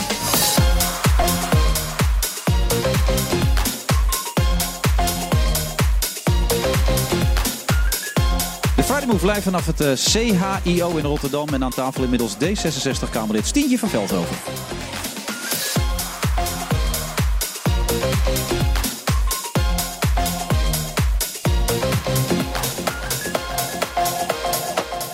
We zitten hier in de wereld van luxe en eh, entertainment, ontspanning bij het CHIO. Je hebt veel schrijnende gevallen gezien in je leven. Wat is het meest schrijnende wat jij ooit gezien hebt? Eh, ehm, ja, dat is een jongetje geweest in eh Sierra Leone. En eh, hij zat met een, eh, met, een- met een half arm zat hij voor zich uit te kijken. En de reden grote SUV-wagens, die, grote, die grote terreinwagens van de grote goede doelen reden langs. En ik vond zoiets absurds. Toen ben ik naar hem toe gegaan. En toen heb ik gevraagd wat het verhaal er- erbij was. En toen vertelden ze mij dus dat, hij, dat dit jongetje zat in de draagzak als baby. In de draagzak bij, de moeder, bij zijn moeder. En eh, de rebellen kwamen daar binnen. De- een van de bloedigste burgeroorlogen uit de historie Ja. is daar geweest in Sierra Leone. De, de rebellen kwamen het dorp in. En die wilden die moeder verkrachten. En die moeder verzette zich heel erg. Toen hebben ze de baby uit de draagzak getrokken. En in één klap met een machette de arm van die baby afge- afge- afgeslagen. En die moeder schrok daar zo van. Die, nou ja, die is verkracht en vermoord. En eh, die, die brak ook alle verzet. En dat jongetje, die eh, heeft de oorlog overleefd. En eh, je zag ook echt duidelijk die ellepijp en, die, en dat spaakbeen... zag je ook echt een beetje uitsteken uit die arm. En hij vertelde dat verhaal. En nou ja, de rillingen lopen je over de rug. En toen vroeg ik op een gegeven moment naar zijn naam. En toen wachtte hij even. En toen zei hij daarna zei hij Abdullah. En toen zei ik, waarom moest je wachten met het noemen van je naam? En toen zei hij, ik, ik heb mezelf die naam gegeven. Want ja, mijn moeder, ik weet niet hoe ze mij ooit heeft genoemd. Dus ik heb mezelf maar die naam gegeven. Abdullah, dat vond hij wel mooi klinken. En daar kwam gewoon eigenlijk die hele bizarre oorlog... van afgehakte armen en afgehakte benen. In Sierra Leone kwam daar in één keer eigenlijk samen in dat gezicht. Dat jongetje was voor mij de personificatie van die krankzinnige oorlog daar. Ik heb dat jongetje onder mijn vleugels genomen en hij is nu is mijn zoon. Ja. Hij heet nu Sander, toch? Ja, hij heet Sander, ja, klopt. Ja. Ja. zij noemt zichzelf Sander. Ja. Wel eh, niet zo praktisch in, eh, in Sierra Leone, maar Nou ja. ja, uit, dankbaarheid eigenlijk. Hij, hij gaat dus een raket, hij gaat naar de universiteit. Het Zo. is inmiddels, ja, en, eh, hij, hij was toen ja, straatkind, bedelend. eh, ja, probeerde zijn kostje bij elkaar te scharrelen. En nu ja, leest hij Engelse boeken. Hij is, eh, het is, het is wel, dat is wel eh, het, het- het verhaal dat mij het meest uit de keel heeft gegrepen. Maar ook Zuid-Soedan hoor. Zuid-Soedan was een van de ja, meest... die straks doen? Zoveel, ja, dat is goed. Want naast je zit namelijk Stientje van Veldhoven. En die volgens mij ook ook... heel gegrepen door dit Zou ik net eh, zeggen, want dan, is de overgang naar gas in Groningen natuurlijk wel heel bizar. Maar tegelijkertijd moeten we het daar wel over hebben. Ehm 24 miljard kuub is nu het verhaal. Ik zie partijen die zeggen van nou, dat had veel meer moeten zijn. Milieudefensie. Wat vindt D66 daarvan? Een, eh, een instantie in Nederland die heel erg goed kijkt naar de veiligheid van de mensen in Groningen. Want voor D66 moet dat voorop staan. Dat mensen in Groningen eh, even veilig kunnen wonen als op allerlei andere plaatsen in Nederland. En nou is er dus een expertinstantie en die heeft gezegd... als je nou 24 kuub wint, dan denken wij dat dat even veilig is. En dat moet voorop staan. Dus niet het geld. De veiligheid van de Groningers moet voorop staan. Maar zijn ze volledig voorbij, de, de aardbevingen? Ze zijn toch niet helemaal Nee, voorbij? daarmee zijn de aardbevingen niet de- definitief voorbij. Al was het alleen maar omdat we nog aardbevingen gaan krijgen van al het gas dat we al gewonnen hebben.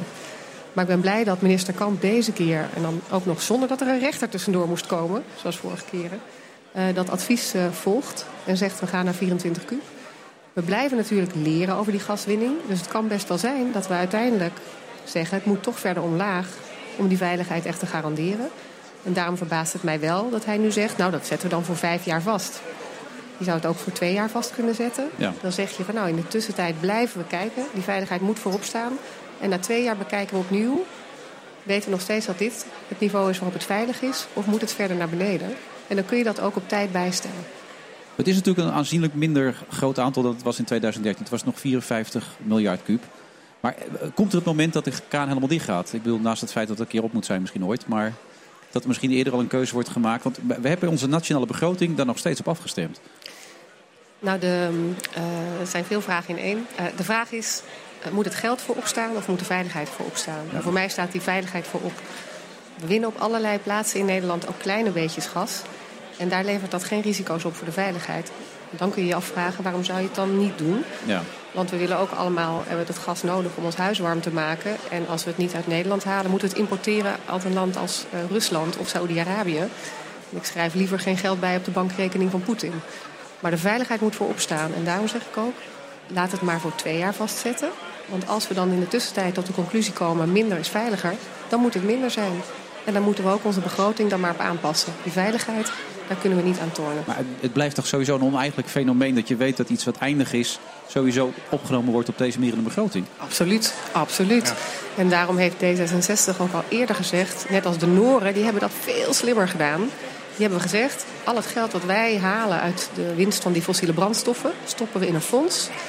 En dat fonds zelf komen we niet aan, maar alle rente die daarop zit, die gaan we gebruiken. En met dat fonds gaan we investeren. En die hebben een gigantische hoeveelheid geld. Ze noemen dat ook het Noorse pensioenfonds. Maar ja, alle Nooren hebben daar een goed pensioen van. Ze kunnen daar flinke investeringen van doen. Dat hebben we als Nederland niet gedaan. Dat was natuurlijk heel dom. We hebben het inderdaad in onze lopende begroting gebruikt... voor allerlei uitgaven van het ene jaar op het andere. En straks is het op.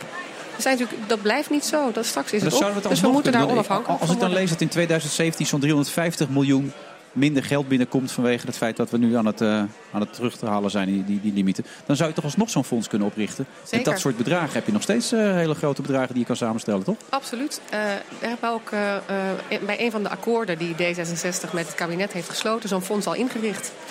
Eh, toen moesten we alleen zoveel bezuinigen dat we op dat moment niet ook nog meer geld in dat toekomstfonds, heet dat, eh, konden stoppen. Maar wat mij betreft eh, gaan we dat zeker weer meer doen. Omdat we op die manier ook volgende generaties nog een beetje profijt van hebben dat we al dat gas hadden. In plaats van dat wij nu al het geld opmaken.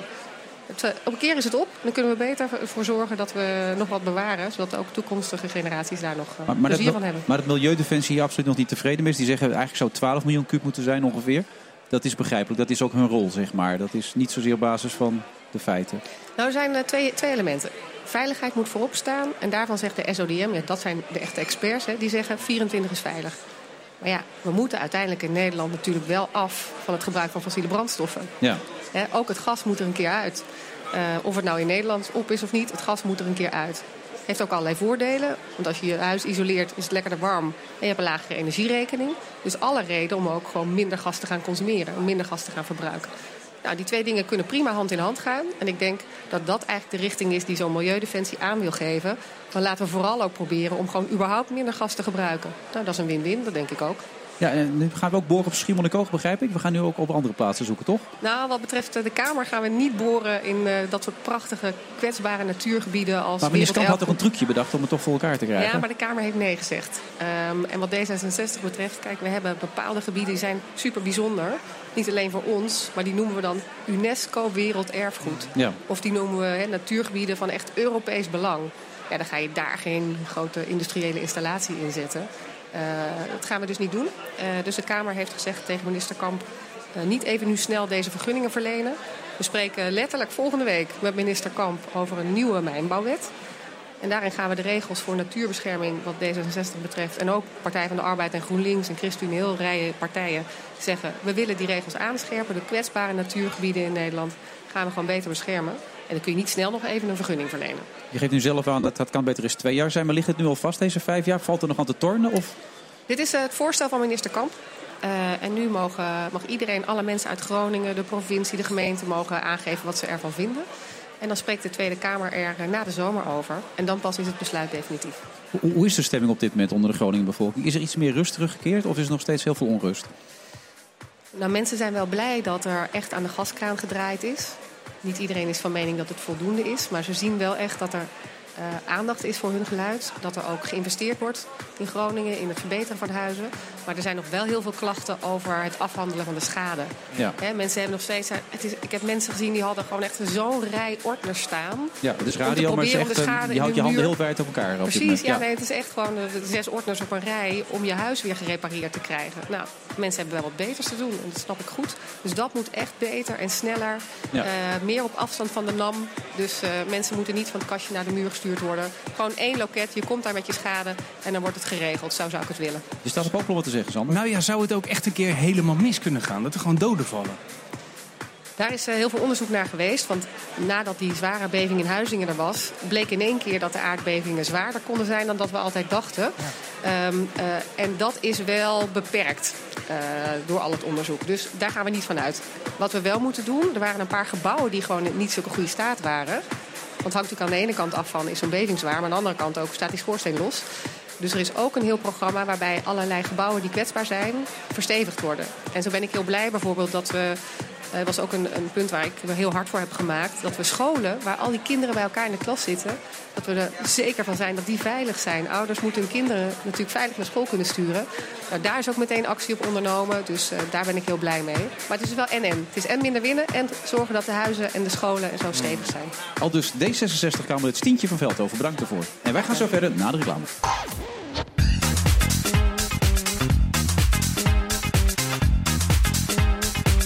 U luistert naar de Friday Move van vrijdag 24 juni. We proberen natuurlijk een beetje goede stemming erin te houden. Maar ja, Brexit, iedereen wordt er niet zo heel erg vrolijk van. En ik, vroeg zojuist naar de meest indrukwekkende gebeurtenis in het leven van Sander de Kramer. Dat was al een heel zwaar verhaal van een jongen die zijn arm kwijt was. Zijn moeder is verkracht en ook vermoord. Toen wilde hij er nog één aan toevoegen over Sudan. Je wilde nog iets vertellen over die situatie. Ja, over Zuid-Soedan. Um, ik ben daar toen geweest. Toen... Uh... Nou ja, tijdens, tijdens de burgeroorlog. En, en uh, het was toen het jongste land ter wereld. Twee jaar bestond het. En toen hebben we de kinderen in een klas hebben we toen uh, papier en, uh, en, en kleurpotloden gegeven. En die tekenden gewoon stuk voor stuk allemaal mensen die met bebloede armen lagen, die, die met inplassen bloed lagen. Uh, en dan vertelden ze erbij het verhaal van, ja, dit is me open, we hebben in de vlucht moeten laten, laten liggen. We konden niet anders dan rennen. Maar die, die kinderen die hadden zoveel meegemaakt in hun vlucht. En die tekenden allemaal dood en verderf op die. Dus niemand die een vrolijke tekening maakte. Ja, dat, dat, toen, zat, toen zat ik echt gewoon. Ja, toen zat ik echt gewoon te janken. Zat ik daarbij. Al die kinderen stuk voor stuk zo getraumatiseerd. En dat zag je niet aan de oppervlakte. Maar de onderliggend zat. zat, zat ja. ja. Dan is zo'n brexit, uh, Bas Jacobs, uh, niet eens zo erg, toch? Als je dit soort verhalen hoort. Ik uh, heb het vorige stuk niet kunnen verstaan omdat ik mijn koptelefoon nog niet op had. Dus nou ja. ik moet even passen hierop. Nou ja, Sander vertelde een redelijk gruwelijk verhaal, met name over kinderen die getraumatiseerd zijn. Hoe groot is het trauma dat wij met z'n allen moeten hebben over de brexit? Groot. Dit is een gebeurtenis die je moet vergelijken met de val van de muur. En, die mate, uh, ja? Denk ik. Want uh, dit, dit is historisch ongekend. Europa heeft sinds de Tweede Wereldoorlog eigenlijk alleen maar stappen vooruit gemaakt. we zien al een jaar Griekenland, vluchtelingencrisis, maar nu dit. Dat Europa langzaam stappen achteruit maakt en nu zelfs de kans loopt om te desintegreren. En dat is nog los van alle politieke implicaties die dit allemaal heeft. Ik uh, ben hier. Het is een vorm van. Uh, wat de Engelsen hebben gedaan, is een vorm van uh, automutilatie. Economische automutilatie. Het is heel onverstandig. En uh, het zet niet alleen hun eigen koninkrijk onder druk. De Schotten willen er misschien uit. Ja, die willen zich weer aansluiten bij ja. Europa. Ja. Maar ook in Europa krijg je uh, landen. Frankrijk met Le Pen. Je krijgt alternatieven voor Duitsland. Je krijgt in Nederland Wilders. Het hele Europese project, dat wankelt nu. En uh, ik vind dit angstaanjagend. Ja, dit zijn sterkere woorden dan we net zojuist hoorden van, van de heer Buma. En die zei alleen, het wordt een beetje een tijd van onzekerheid. Maar het wordt veel meer dan een tijd van onzekerheid, hoor ik wel. Als ik dit zo... Nou, eh, Economisch eh, kan dit nog wel te overzien zijn. Ik denk dat Engeland een groot risico heeft om in een recessie terecht te komen. Er zal financiële turbulentie ontstaan. De exposure van de Europese financiële sector op Engeland is veel groter dan die bijvoorbeeld in 2008 was op Griekenland. Ja. Dus verwacht turbulentie. Dat zie je ook vandaag op de financiële markten. De beurzen, met name de financials, die gaan eh, enorm onderuit. ja, Eh, 5,7 is hij gestegen. Is gezakt nu, hè? Lager. Nu. ja, ja. maar goed, Dus eh, dit, mee, ja. dit zijn grote, grote verliezen. En dat zie je door de hele wereld. Het is een klap. Eh, overigens, nadat het eh, begin van de deze week was opgelopen... nadat iedereen dacht dat het misschien toch nog goed ging komen. Ja. Maar eh, voor mij zijn de, de structurele langetermijn vragen... eh, die te maken hebben met de Europese integratie... die te maken hebben met het vrije handelsgebied... die te maken hebben met de politieke stabiliteit in Europa... zijn de belangrijke vragen. En nou ja, er, wordt, er is hier gewoon met vuur gespeeld. En ik hoop maar dat het niet oplaait. Nee, voor alle duidelijkheid, je bent hoogleraar economie en overheidsfinanciën aan de Universiteit Erasmus Universiteit. Als mensen denken wie is Bas Jacobs, kan ik mij niet voorstellen Bas, hoor, dat mensen dat kunnen denken. Want al onbekend natuurlijk allemaal. Eh, Maar, maar toevallig zei Sander het eerder in de uitzending ook. Wat betekent dat voor ons gewoon de man in de straat eigenlijk, dit, dit, dit nieuws? Nou, Nederland is eh, vrij afhankelijk eh, van de handel met Engeland. Engeland, omdat het de facto naast ons ligt, weten we, handel drijf je het meest met je buren. Engeland is een belangrijke buur van ons. CPB heeft een studie gemaakt enkele weken geleden, waaruit bleek dat ongeveer de lange termijn krimp iets van 1,2% per jaar is. 10 miljard per jaar. Dus we merken er niet heel veel van. Eh, koopkrachtplaatje van een kabinet kan ook 1,2% zijn. Dus het, het zit een beetje in, in de marge, de economische effecten. Eh, waar ik veel, veel meer zorgen over heb, is eh, wat dit inderdaad gaat betekenen voor de politieke toekomst van Europa. Ja. Ja, want hoe groot is de kans eigenlijk? Of hoe, hoe groot schat jij de kans dat dit een domino-effect gaat krijgen? Dat, dat, dat- ik kan niet in de, in, de, in de toekomst kijken. Ik heb geen glazen bol. Eh, wat ik wel al, al net zei, dat, dat, dat je ziet dat al een jaar de Europa langzaam achteruit aan het lopen is in plaats van vooruit. Eerst die Grieken die gestraft moesten worden. Toen een enorme toestand met die migratiecrisis en die asielzoekers die uit eh, Syrië onze kant kwamen. Nu dit. Dit, eh, dit, is, dit, dit smult en dit moet niet gaan opvlammen. En eh, eigenlijk wat de, de stemmers in Engeland ons hebben verteld is dat ja, als je als, je zou kunnen zeggen, eh, eh, elite, als politici in Europa globalisering wil en democratie, dan moet je soevereiniteit opgeven en dat willen de Engelsen niet. Mijn collega Danny Roderick die zegt dat is een onmogelijkheidstrilemma. Eh, globalisering, democratie en soevereiniteit, je kan er alleen maar twee kiezen. Ja. Eh, als je ze alle drie wil, gaat het niet goed. En dat hebben we nu gezien. En ik denk dat de mainstream partijen, want je ziet dat die anti-Europa-sentimenten, anti-migratie-sentimenten, lopen door alle mainstream partijen heen, van links tot rechts. Ik denk dat al die mainstream partijen, willen ze weer electoraal aantrekkelijk worden, een antwoord moeten formuleren hoe ze omgaan met grensoverschrijdende problemen. Hoe ze eh, eh, dat willen oplossen. Zonder dat dat leidt tot zeg maar, verdere stappen richting fe- federalisering. Want dat wordt duidelijk afgewezen door electoraten. Dus ik denk dat er voor de mainstream partijen een enorme opdracht ligt. Om enerzijds niet mee te gaan met xenofobie, met nationalisme. Met eh, eh, het EU-besje. Maar aan de andere kant wel zorgen dat we de instanties en de instituties overhouden. Om dingen als klimaat, migratie, eh, grensoverschrijdende financiële problemen, banken, multinationals die belasting ontwijken, om dat wel aan te pakken. Dus eh, je hebt een herbezinning nodig van onze beleidsmatige eh, elites en politici op hoe je globalisering en democratie toch met elkaar kan laten samengaan. Ja, er is een onderzoek geweest van RTL Nieuws dat eh, 55% van de Nederlanders wil geen referendum voor Nexit. Maar wat je schetst, dat kan over een tijdje ook anders zijn natuurlijk. Nu dat onderbuikgevoel qua blijkbaar toch behoorlijk overheerst. Hè? Nou, je ziet gelijk Geert Wilders vandaag al eh, eh, de campagne voor de volgende verkiezingen starten. En reken maar, net als dat hij in 2010 heeft geprobeerd, toen wilde hij uit de euro, dat hij nu uit Europa zal aangrijpen als een belangrijk verkiezingsthema. En daarmee andere partijen zal dwingen, of al proberen te dwingen, kleur te bekennen als het gaat om Europa. En de meeste andere partijen hebben nog niet het begin van een goede visie op wat ze daar nu eigenlijk mee willen. Nee, en dan moeten ze een taal leren spreken die het grote volk weer bereikt. En eh, hoe ga je dat doen? Want eh, dat moet je Nou, die... er is, er is ook één heel vervelende les van die, die, die, die Brexit-campagne. Dat werd op een gegeven moment eh, Campaign Lie genoemd.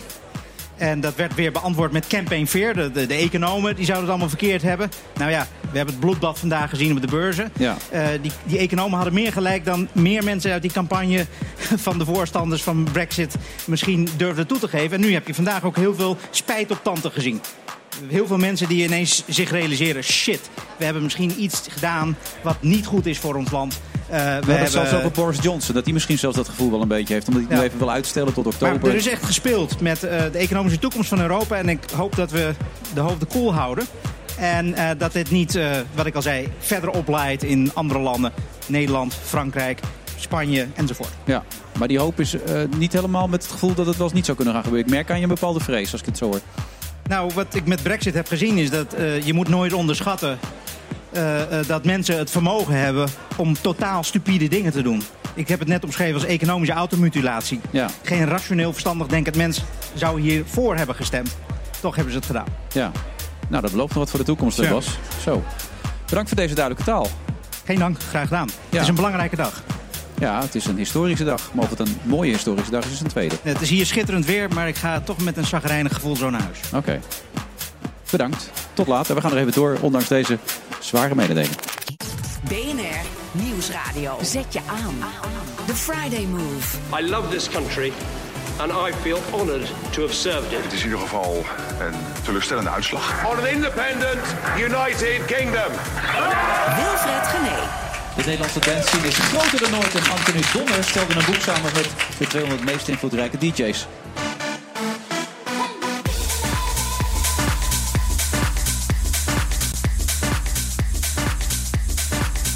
Ik mag toch aannemen dat DJ Thomas Robson er ook in staat. Want hij is natuurlijk de man verantwoordelijk voor de muziek van vandaag hier op het CHIO in Rotterdam.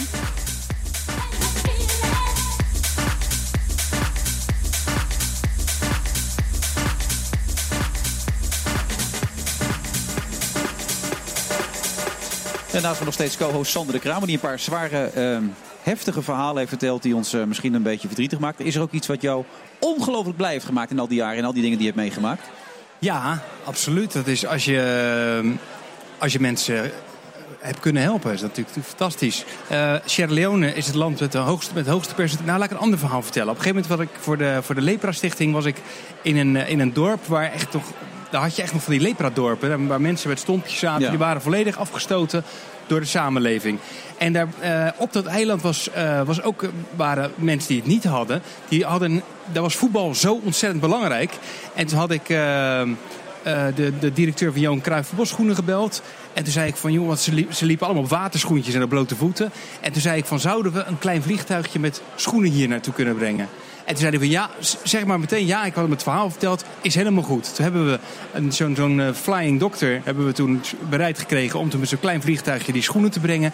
En toen kon je zien dat je in één klap de brug kon slaan... tussen die mensen die lepra hadden en die eigenlijk verstoten waren... en mensen die het niet hadden, want het voetbalteam had nou namelijk schoenen... dankzij mensen met lepra. Nou, Ja. dat, dat soort hele kleine dingetjes...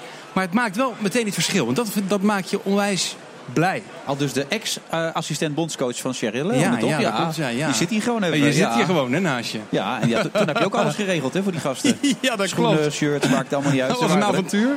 Ongelooflijk. Ja, ik- misschien dat je dat zo nog kan vertellen. Maar naast je is inmiddels aangeschoven Anthony Donner, fo- fotograaf en voormalig hoofdredacteur van DJ Mac. Dat klopt helemaal. Zeg ik het zo goed? Ja, DJ Mac? helemaal goed. Wa- Waarom voormalig? Waar ben je ermee gestopt dan? Eh, omdat ik andere ambities had. En Zoals? eh, mijn boek maken.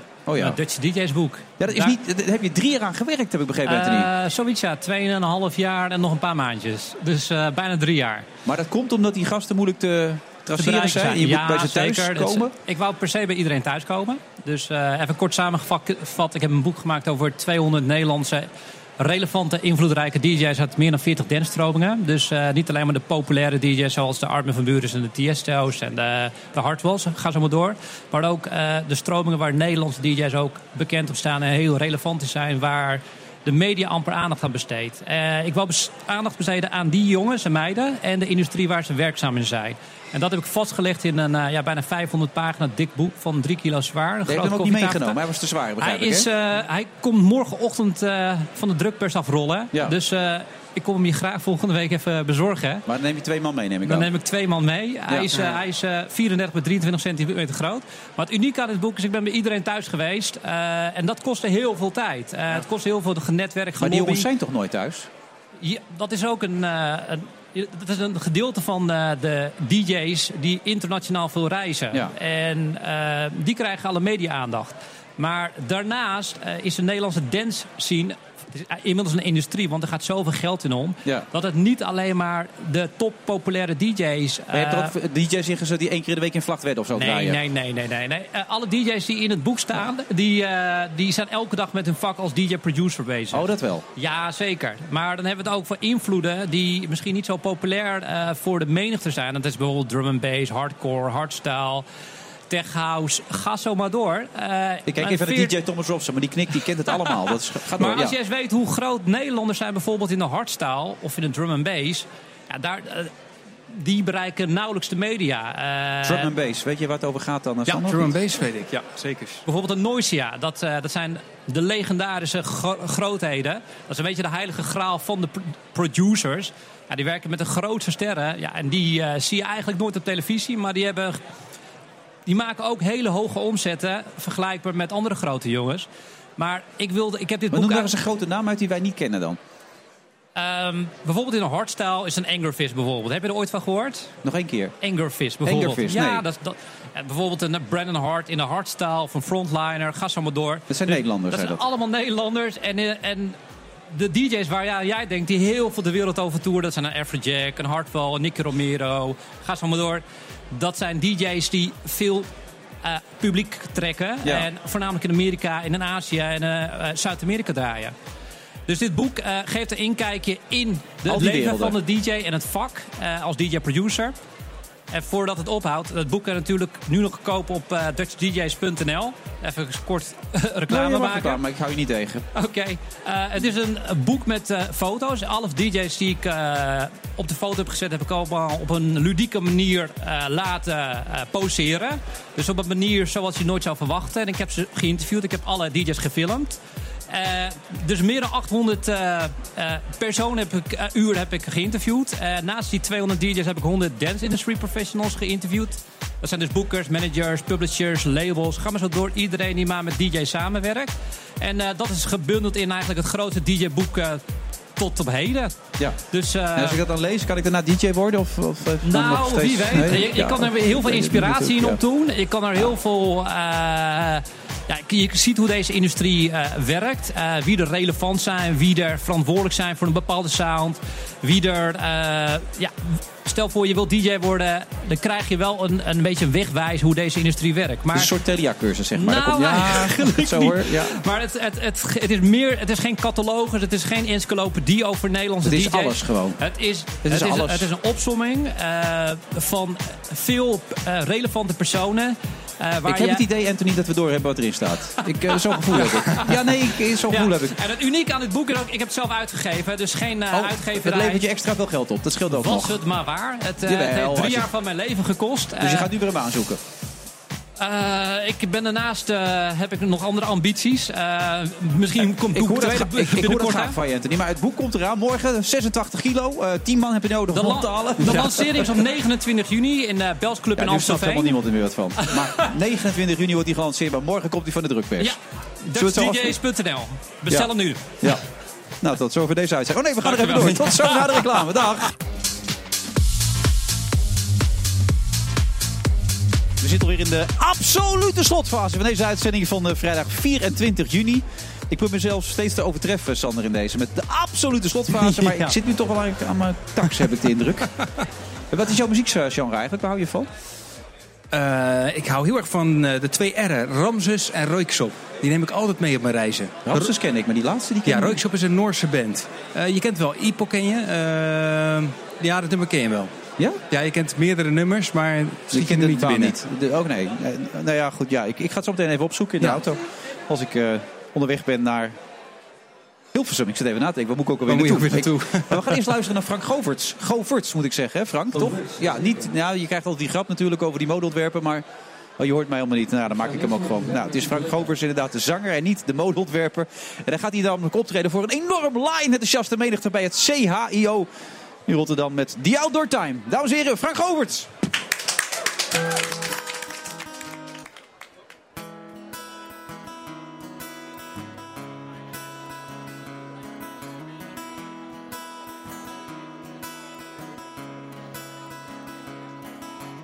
Always had a roof above me, always paid a rent.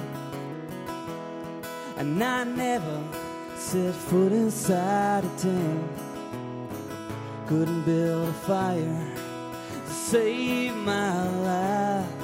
I lied about being the outdoor type.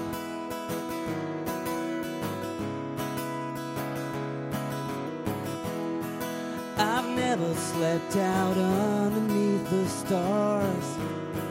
Closest I came to that was one time my car broke down for an hour in the suburbs at night. I lied about being the outdoor type.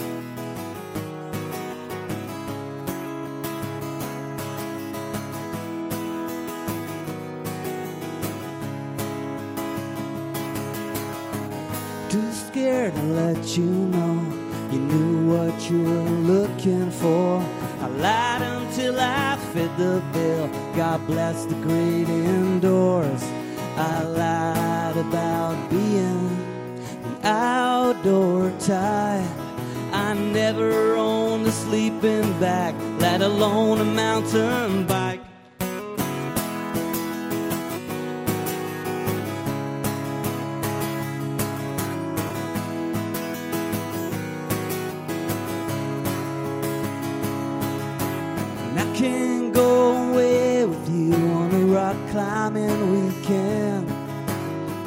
If something's on TV and it's never shown again? Just as well I'm not invited, cause I'm afraid of heights. I lied about being the outdoor type. Oh, I never learned to swim, can grow a beard or even fight. I lied about being the outdoor type. Ja, dames en heren. Frank Govers met een T. Die Outdoor Time. Hier op het CHIO in Rotterdam. We gaan weer richting de, de slotfase van deze uitzending, eh Sander. Want één verhaal wil ik nog even met jou bespreken. Want jij bent volgens mij een van de laatste geweest die Johan Cruijff nog serieus geïnterviewd Ja, heeft. klopt. Ja. Hoe was dat? Ja, het was heel bijzonder. Was ontzettend bijzonder. Dat was het laatste eh, ja, persoonlijke interview in Barcelona, waar hij zich helemaal thuis voelde. En hij was zo ontspannen. Ik kreeg eigenlijk maar 20 minuten om te interviewen. Maar hij was ziek op dat moment. Dat was toch al bekend toen? Of nee, nog niet? nee, nee, niet dat zo niet. Nee, nee. Sterker nog, hij had toen nog geen last. Oké. En, ehm, 20 minuten zou je maar krijgen. Ja, eigenlijk zeg maar 20 minuten krijgen. We hebben uiteindelijk tot het donker doorgelopen. Ik weet het, ja. Ja, dat is, hij, vond het, hij vond het geweldig. Om, eh, en, en ik mocht ook niet over het varkensdebakel praten. En hij begon er zelf over. Ik ben in die varkens gegaan, zei hij. Het pakte hij me vast. Maar het was, we, hadden, ja, we hadden echt hele goede chemie. Het was zo gezellig. En toen zei hij, s'avonds zei hij van, eh, we gaan lekker uit eten. Toen heeft hij me meegenomen naar een visrestaurant. En eh, ik ben vegetariër. Dus ik zei, ja, ik zeg, Johan, ik ben vegetariër. En toen zei hij, wacht maar, toen kwam de kok. En toen liet hij van die hele fijn geraspte patatjes liet hij komen. Met een klodder mayonaise erop. Ja. En ik zie, hij kreeg van die, van die eh, vis op een stokje. En hij kijkt naar mijn friet. Hij keek het bijna van mijn bord. Ik zeg, Johan, als je een frietje wil. En ik had het nog niet gezegd. En hij liep de bezem me door die mayonaise heen. En dat, toen had ik zo'n reflectiemoment van... Johan Cruijff eet gewoon nu mijn patat op. Ja. Weet je wel, dat was echt... En toen, eh, ik zal ook nooit meer vergeten... Onze twee wijnglazen stonden naast elkaar. En ehm, ik pak op een gegeven moment een van de glazen. En ik zie Johan ook kijken. En ik zeg tegen Johan... Ik zeg, heb ik nou de goede te pakken? En toen boog hij voorover. Toen keek hij me heel serieus aan. Toen zei hij... In dit soort gevallen altijd gewoon de volgste pakken. Weet je, nou ja, dat vond ik zo, ja, zo mooi. Zo ad rem, zo fantastisch. Maar wat je zegt, ik, ik heb diezelfde voorrecht gehad om hem een aantal keer te mogen interviewen. Toen zei de perschef, je hebt maar 10 minuten. Toen kreeg ik ook 2,5 uur, Ja, lulde hij ook door. En ja. ik, was, ik was 26, 27, ik zat op het veld van Nou Kamp. En hij ging me door en de perschef is huilend weggelopen. Maar de man was zo oprecht en zo mooi om bij te zijn, wat Ja. dat betreft ook. Hè? Ah, geweldig. En dat, wat ik het mooiste op jou vond, is het verhaal dat hij je vader gewoon nog kende. Je vader schijnt tegen hem gevoetbald te hebben. Ja, ja die, mijn vader speelde, die kwam terug van een blessure. Eh, die had zijn scheen een kuitbeen gebroken. En die speelde met Excelsior 2 tegen Ajax 2. En die ziet dat 17-jarige broekje het veld opkomen. Die kijkt natuurlijk van, oh, dat is mijn tegenstander. En die dacht van, oh, wordt een makkie vandaag. En die werd vervolgens helemaal zoek gespeeld. Hij maakte drie doelpunten. Johan maakte drie doelpunten in alleen al de eerste helft.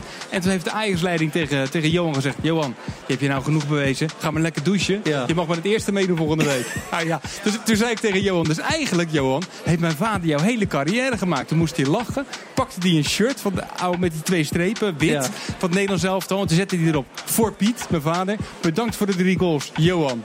en die hangt nou bij mijn vader op zijn kantoor. Hij gaat elk kwartier kijken of het er nog hangt. Ja, dat kan me voorstellen inderdaad. Ja, geweldig mens helaas. Hij is niet meer onder ons. Maar wel een voorrecht dat je zo'n mooi interview hebt mogen maken. Ja, toch? absoluut. En wat dat betreft is het een voorrecht de dingen die je mag doen. En je kan ze ook weer helemaal volledig doen. En je bent helemaal weer in orde, zeg maar. Alles werkt weer helemaal in evenwicht. Alles is top. ja, we hebben alleen dezelfde kwaal, die piep. Ja, die piep. Maar daar zetten we ons overheen. Want we hebben nog zoveel ons andere leuke dingen. Wij zitten hier in het zonnetje bij het CHIO. Hebben 2,5 uur lekker radio kunnen maken. Wat is het eerstvolgende wat je gaat doen?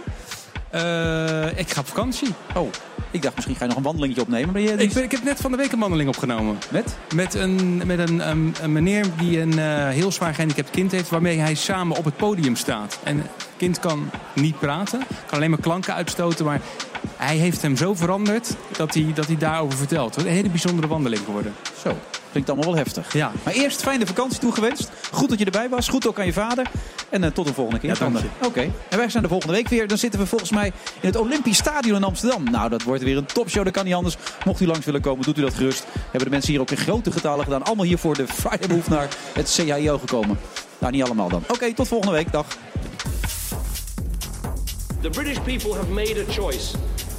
That not only needs to be respected, Er is eh, zeker reden voor een feest. but those on the losing side of the argument, myself included, should help to make it work. Ja, de, verhouding- de samen- de samenwerking zal natuurlijk op een andere eh, voet eh, plaatsvinden. The member states who remain in the European Union must discuss how to improve. En de onvrede die in Engeland leeft, die zie je natuurlijk ook in andere landen. Ladies and gentlemen, dare to dream that the dawn is breaking on an independent, united kingdom. Voor mij is wel één ding duidelijk. Eh, de Britten moeten er nu ook zo snel mogelijk uit. Ja, geweldig. Geweldig resultaat. eh. Ik krijg een brexit of ik eh, hou er een fles wijn aan over. Dus dat is mooi. voting in. Why? Um, well, because how can we become one world united if we can't become one Europe united? Remain. Remain. Ja, Remain. Meneer Gauws, het BNR-wetkantoor is geopend. Wordt het een brexit? Ik heb altijd gedacht dat het dat zou worden. Ik denk dat het eh, geen eh, brexit eh, Een wordt. brexit zou mogelijk zijn als het uh, pijpenstelen blijft regenen. Weet wat je doet. Deze beslissing is voor altijd. Ik denk dat het een nipte overwinning wordt, maar ik denk wel dat het een overwinning Wie staat nog steeds te flyeren voor de Remain-vote? Ja, in dit geval eh, trokken erbij eh, ja, in de nanacht, zeg maar, met name over Rotterdam, Den Haag, eh met je richting Zoetermeer, Gouda. And UK is going to be in the back of the queue. No. No. No. The UK has voted to leave the European Union. Maar als het zo simpel was, dan kan iedereen miljonair worden. Ik denk dat als de Engelsen voor Brexit stemmen, dat we met ze moeten gaan praten. Als je die kant op gaat, dan vrees ik wel een kettingreactie. Dan denk ik dat er heel veel mensen zullen afhaken, ook in Ik Nederland. zie natuurlijk wel eh, dat de onvrede die in het Verenigd Koninkrijk heerst, niet alleen daar heerst, maar ook in de rest van Europa. Het is in ieder geval een teleurstellende uitslag. Eh, And as such, I think the country requires fresh leadership to take it in this direction. Hoe je het ook wendt of keert, is een eh, verzwakking van Europa. A victory for real people. A victory for ordinary people. A victory for decent people. De Friday Move wordt mede mogelijk gemaakt door Arend. Inrichters, we denken graag met u mee. Ook Harm Edens vind je in de BNR-app. Je kunt BNR Duurzaam niet alleen live luisteren in de app, maar ook terugluisteren als podcast, zoals al onze podcasts. En naast dat de BNR-app Breaking News meldt, houden we je ook op de hoogte van het laatste zakelijke nieuws. Download nu de gratis BNR-app en blijf scherp.